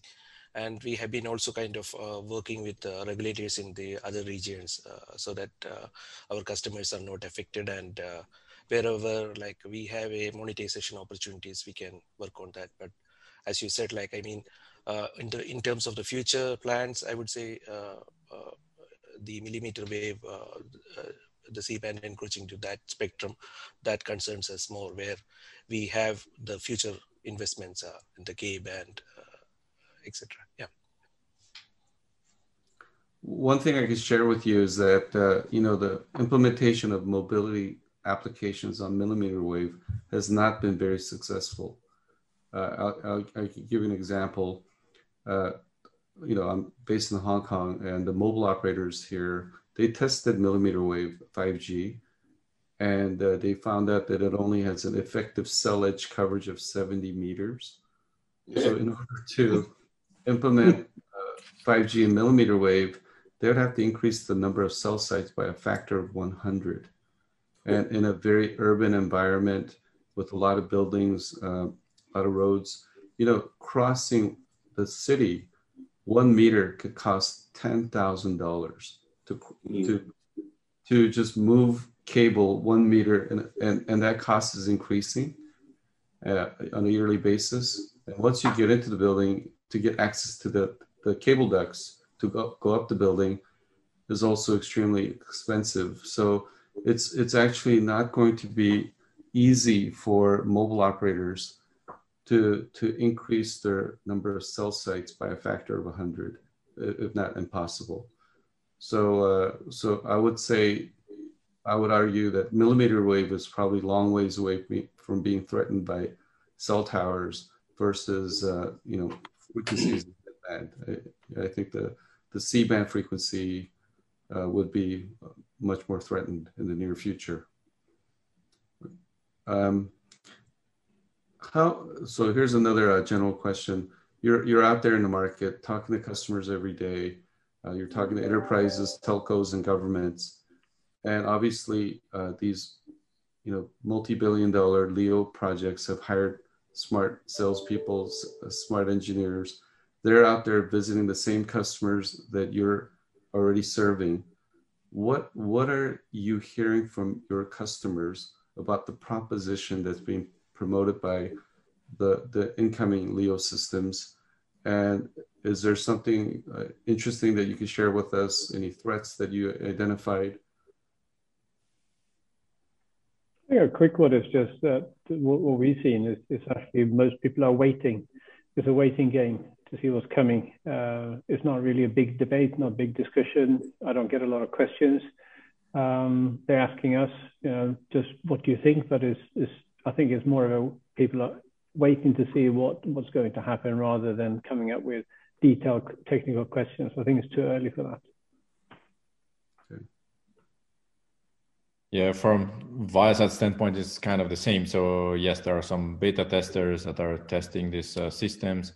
Uh, we don't see the uh, no, latency being the key driver to move our customers away from us. You know, we pick the customers and we explain them, you know, what kind of services that we have. And you know, if you're a gamer, we're not the right uh, solution for you. But uh, in the RS where we're serving, we we are very successful, and we don't see as a significant trend for now. Uh, I can also go ahead. Uh, I can also comment maybe on that. I see actually this marketing buzz around it is good for us.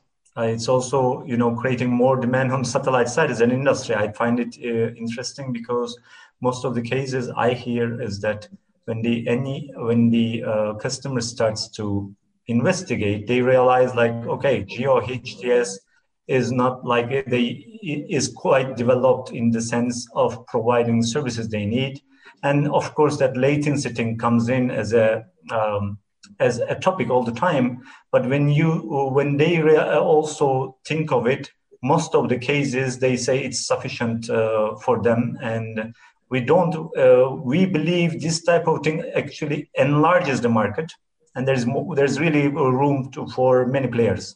I, and we at least personally i have uh, i've seen uh, this type of reactions. A market share is key. So what expected expectation are you because of la- latency you can't get the right latency what percentage is this? 2%, 10% of the marketplace?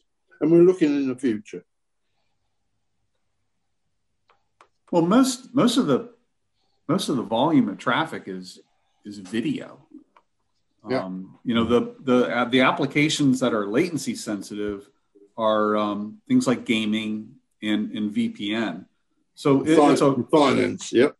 Yeah, it, it's it's a it's a relatively small percentage.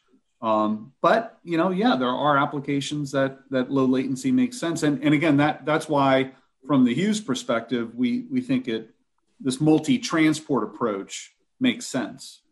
Mm. Yeah, that's the same vision we share. I mean, clearly the traffic is 95% uh, latency insensitive. So, you know, it's hard to say, but everybody to some extent has a bit of latency sensitive traffic. So for that, having an hybrid system that combines either uh, LEO traffic or uh, terrestrial traffic within uh, the geo uh, large pipe that delivers uh, a lot of capacity, that what we think it's a successful option. And also the uh, the customer that we are targeting, as I shared a little bit in my presentation, is more like the end user and Soho market not like the corporate end on the VPN side, we don't really uh, see that type. And in these markets, usually um, there are some applications, yes, uh, but you know, low cost and uh, availability everywhere across the geographies really makes the decision. Uh, I think uh, I, I strongly believe uh, in the like cost and the easy and fast deployment into the rural 100% type. It's it makes a difference. Yeah, good point. Yeah. Great. So if I if I could ask just a real quick question to each one of the panelists. Uh, you know, I grew up in Las Vegas. I am not sure if you guys know. So sometimes I, you know, I like to take gambles and bets and and predict the future. So, uh, so you know, running your geo business, being in the market at the forefront of the of the technology and customer interactions and seeing what's happening with the Leo systems and how it impacts your geo business, which Leo system do you think, would you bet, would be successful? Potentially why? And then what worries you the most? What would keep you up at night? Uh, so if, if maybe uh, maybe you know, let's hear from Ken because uh, he's not been asked any questions. So uh, maybe he, we could start with him. Okay, basically, um, we are working in the ground system So uh, we're in the telecom industry, but uh, basically it's uh, most related to that operators and the service that they're providing. Uh, I cannot tell um, which one will succeed, but at the end of the day, they will find a market in, in, in so they will find a market at the end of the day. Uh, um, this is a roulette table. You have to pick a number. yeah, yeah. Come on, Chad. Let's have some numbers. Pick pick your number one. Who's going to be the most successful in Leo? It's okay. No. Uh, uh, okay. Let, let me tell Starlink. Okay. Starlink. Okay. Uh, Dave. Mm-hmm. Yeah. Um, well, let me let me just make a couple of comments. One is that um, I I think economics wins in the long term, and you know we stand by uh, Geo having the lowest cost per bit and, and the lowest uh, terminal. Now, ha- having said that, there's just so much investment going on in in, in LEOs, you know, and it, it's not just uh, SpaceX Starlink, but you know, Amazon is, is coming. So I, I, I think, notwithstanding that, you know, Geo is the best economic uh, proposition, I think there's going to be some disruption to the market in in the in the short term until things shake out. Um, but I, I would be reluctant to uh, to make a bet. So maybe first big Leo into the marketplace is the one is because it's all goes by market market share and profitability. And I mean, uh, yeah, Starlink is going to be there. There's no doubt. But I then see that um, our friend Mr. Musk is trying going to try and sell off um, Starlink as a, as a separate in a separate IPO. Yeah, there's more than one way to make money, right? In yeah. business, you can, you can yeah. make through profits or through shares or Bitcoin. Or Bitcoin, yeah. Let's let's have a Bitcoin. Stefano. Yeah, I think kind of share the vision of Dave in, in the sense that uh, you know uh, probably our both our companies are run through the same metrics, so we have to be profitable, and we think that uh, the geo service and the, the geo capacity is the one that will keep our metrics uh, healthy and uh, and growing. Uh, now, you know, both Bezos and Musk know what they're doing. They've been very successful uh, in many different uh, ventures, and they have the capabilities to raise capital that uh, probably nobody else in the industry has. So, you know, uh, it's hard to uh, predict which one of the two, but there is a chance that there will be there will be at least one large constellation operating and uh, providing service, and we can perfectly live with them. So and uh, eventually even partner with them. Great. Amit? Yeah, I actually think that currently we, we only have Starlink has uh, started the service across US and uh, maybe a, a, little bit in Europe also people started to buy, you know. Um, but uh, we believe there is more operators uh, can uh, accommodate, Europe can accommodate more operators of course, economics for the end users and for the market they are targeting should make sense. For the geo part, uh, Dave, Stefano, they all said, and we believe the same. At the moment, geo uh, delivers much more value to the targeted markets that we are targeting. And uh, for that purpose, we believe the geo is there. But uh, Leo, yes, uh, there is space for particularly where they are addressing, there, there might be space but that's important for the economics and uh, um, i mean we can live with them uh, and they as i said they can grow uh, some uh, satellite uh, let's say market in general also we believe in it great Tipu? Yeah. Uh, so, like, I mean, we. There are not enough gamblers in this audience. this no, no. Yeah.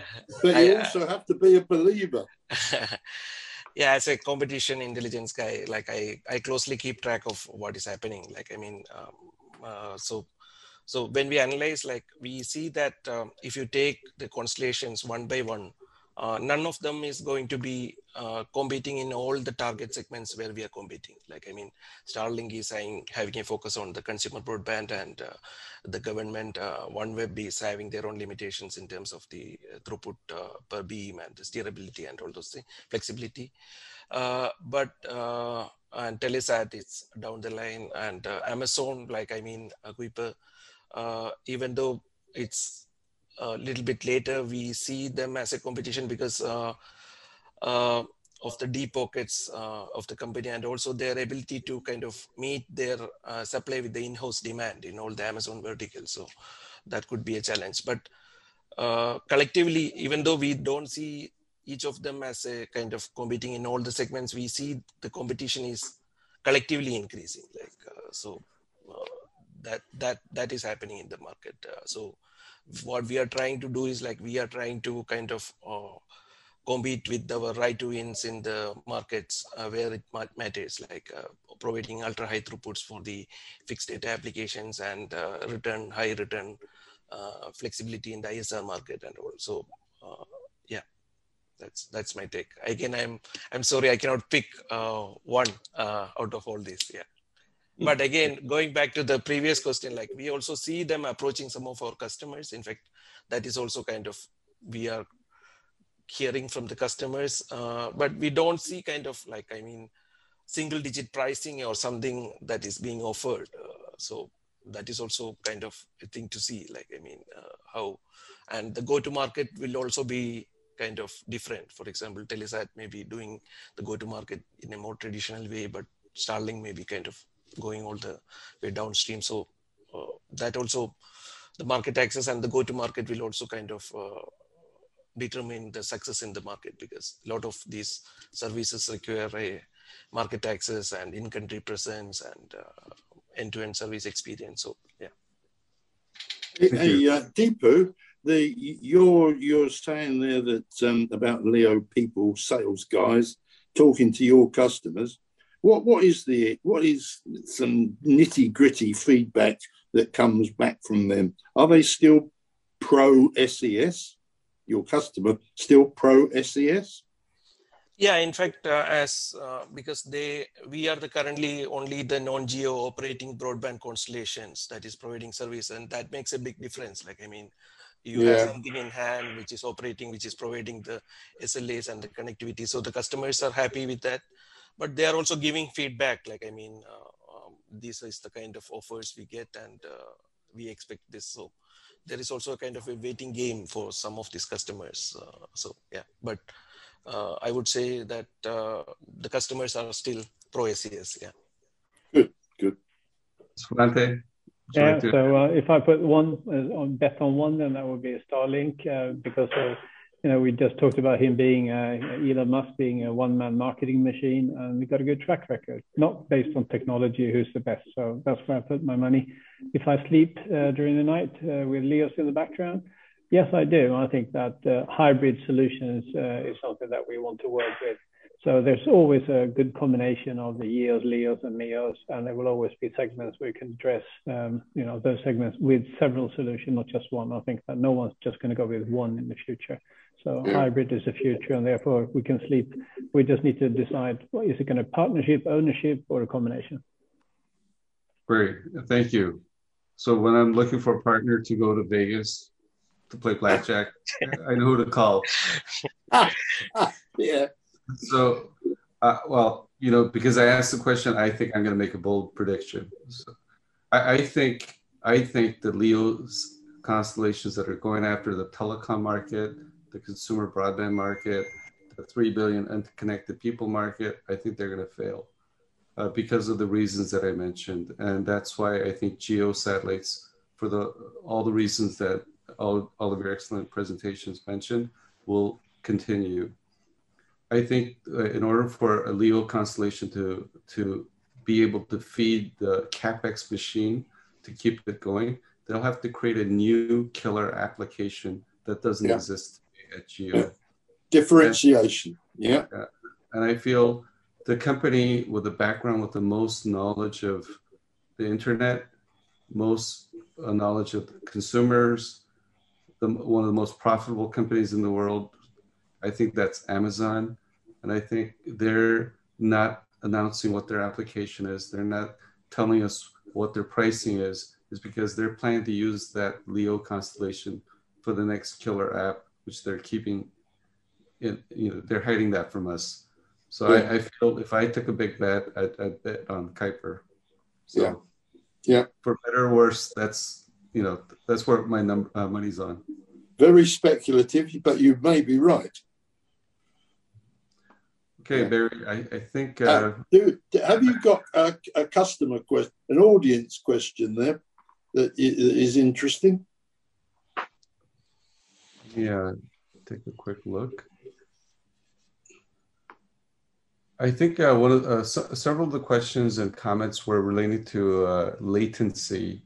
Yeah. Uh, geo satellites will still have uh, problems uh, with providing latency especially, you know, um, some of the conversations that I've had in the market is that, uh, especially like cruise ships, cruise ships have tried to move all their applications to the cloud, but, but those cloud uh, applications are not able to run over geo delay. So they're looking for other solutions to run cloud computing, uh, not cloud computing, but you know, like uh, web applications.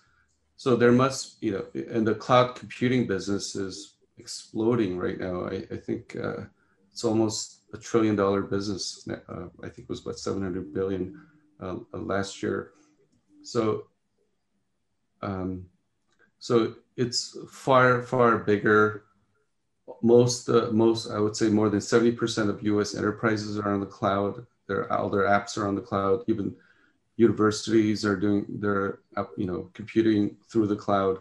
So that is going to that is affected by demand that, that will affect corporate enterprise market segments. So can uh, can somebody would somebody be willing to take that on?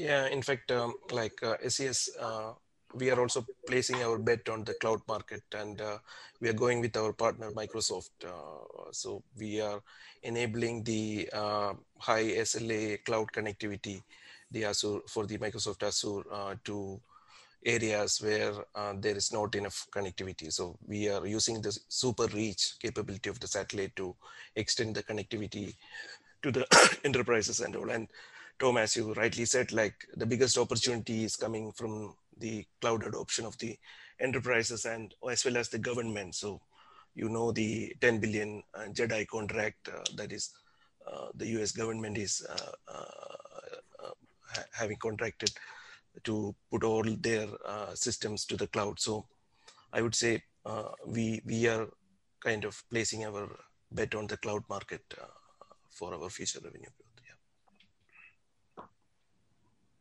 Great. yeah, uh, before I hand it over to Barry, uh, I, I wanted to thank all the panelists. You know, typically I'm, I'm, a speaker in one of these panels and they're really, you know, they're typically really boring, but today uh, it was very fascinating. I learned a lot. Everybody was great, uh, excellent information, uh, you know, open, transparent sharing. I thought we had a very good rapport, good, good dialogue, good, good, you know, a friendly atmosphere. So I'd like to really, you know, thank every one of you for such a great contribution. And uh, Barry, uh, thank you for inviting me to host this thing. Okay. All right. Doing a panel, but uh, I didn't did not know how it was going to go, but I really enjoyed myself today. Thank you. Brilliant. That's that's good. It's nice of you to comment like that. So, just some closing remarks then. So, brilliant, brilliant, brilliant, friendly, and in, in, instructive. Well, I will conclude that we had a very good and very exciting first session, five year SATCOM vision concerning mostly geo satellite aspects. Firstly, our audience trust you have enjoyed your time here. The time spent is beneficial and learn something more about our business. Uh, and now I'm going to repeat what uh, Tom has just said. Next, thanks to our hardworking presenters and the moderator. So, Cem at Profen, Svante at Intelsat, Ahmed at uh, Eutelsat, Deepu at SES, Stefano at Viasat, and Dave at Hughes, and our moderator, Tom Choi, for their valued presentations. Next, my equal and other thanks go out to the organisation. And this is Profen Engineering for their initiation and support for this SATCOM Vision Conference.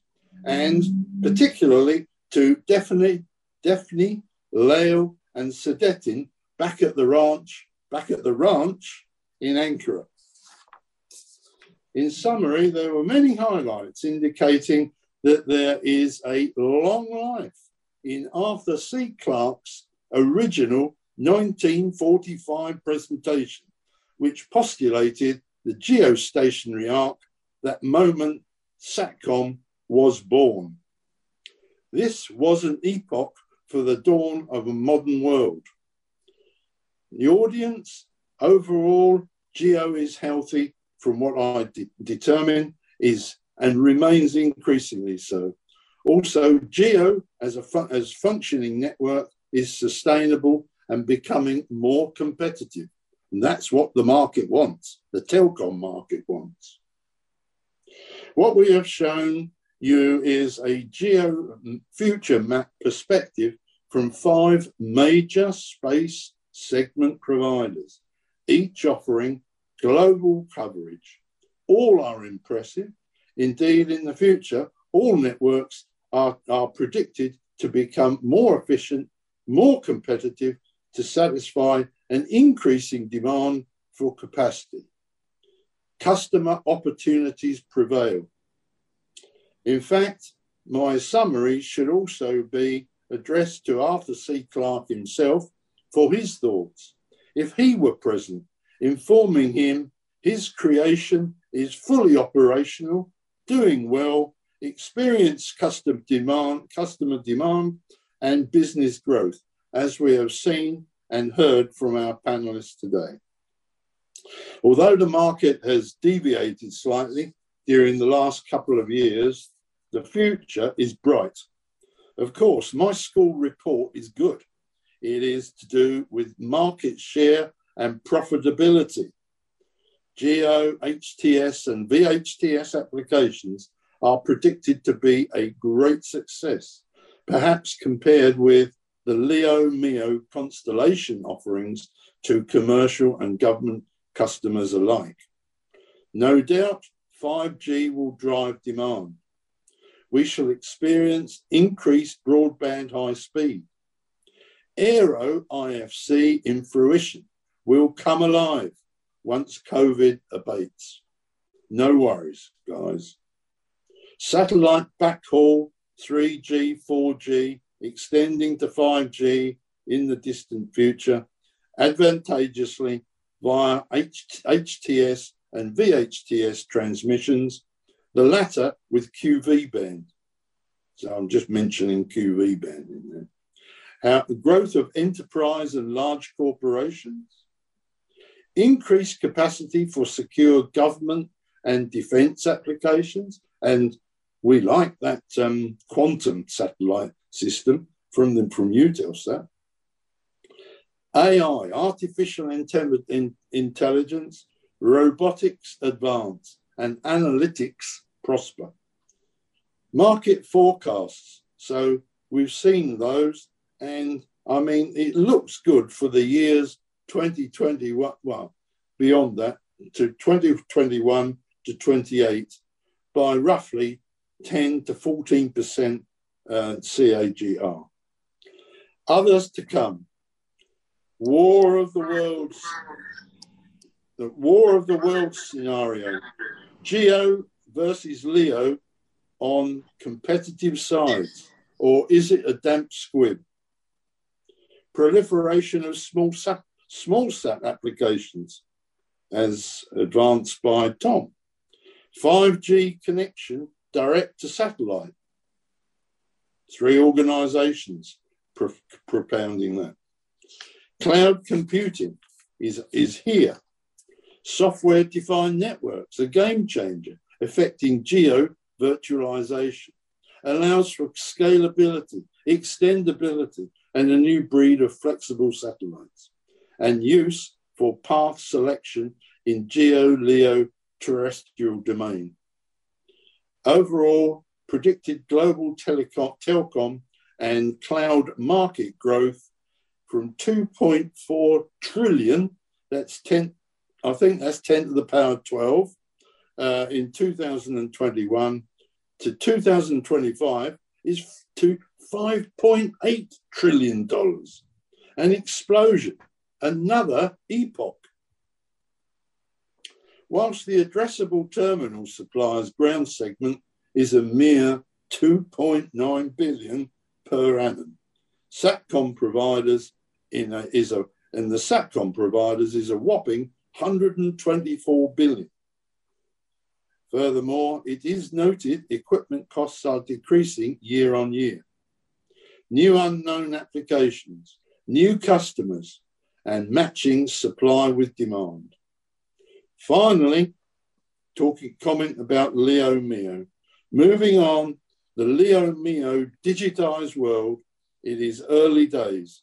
Their struggle is just starting, but we shall hear more about their aspirations in next month's SATCOM Vision Session Part 2, which is scheduled for Thursday, the 18th of March. So, Thursday, the 18th of March, guys.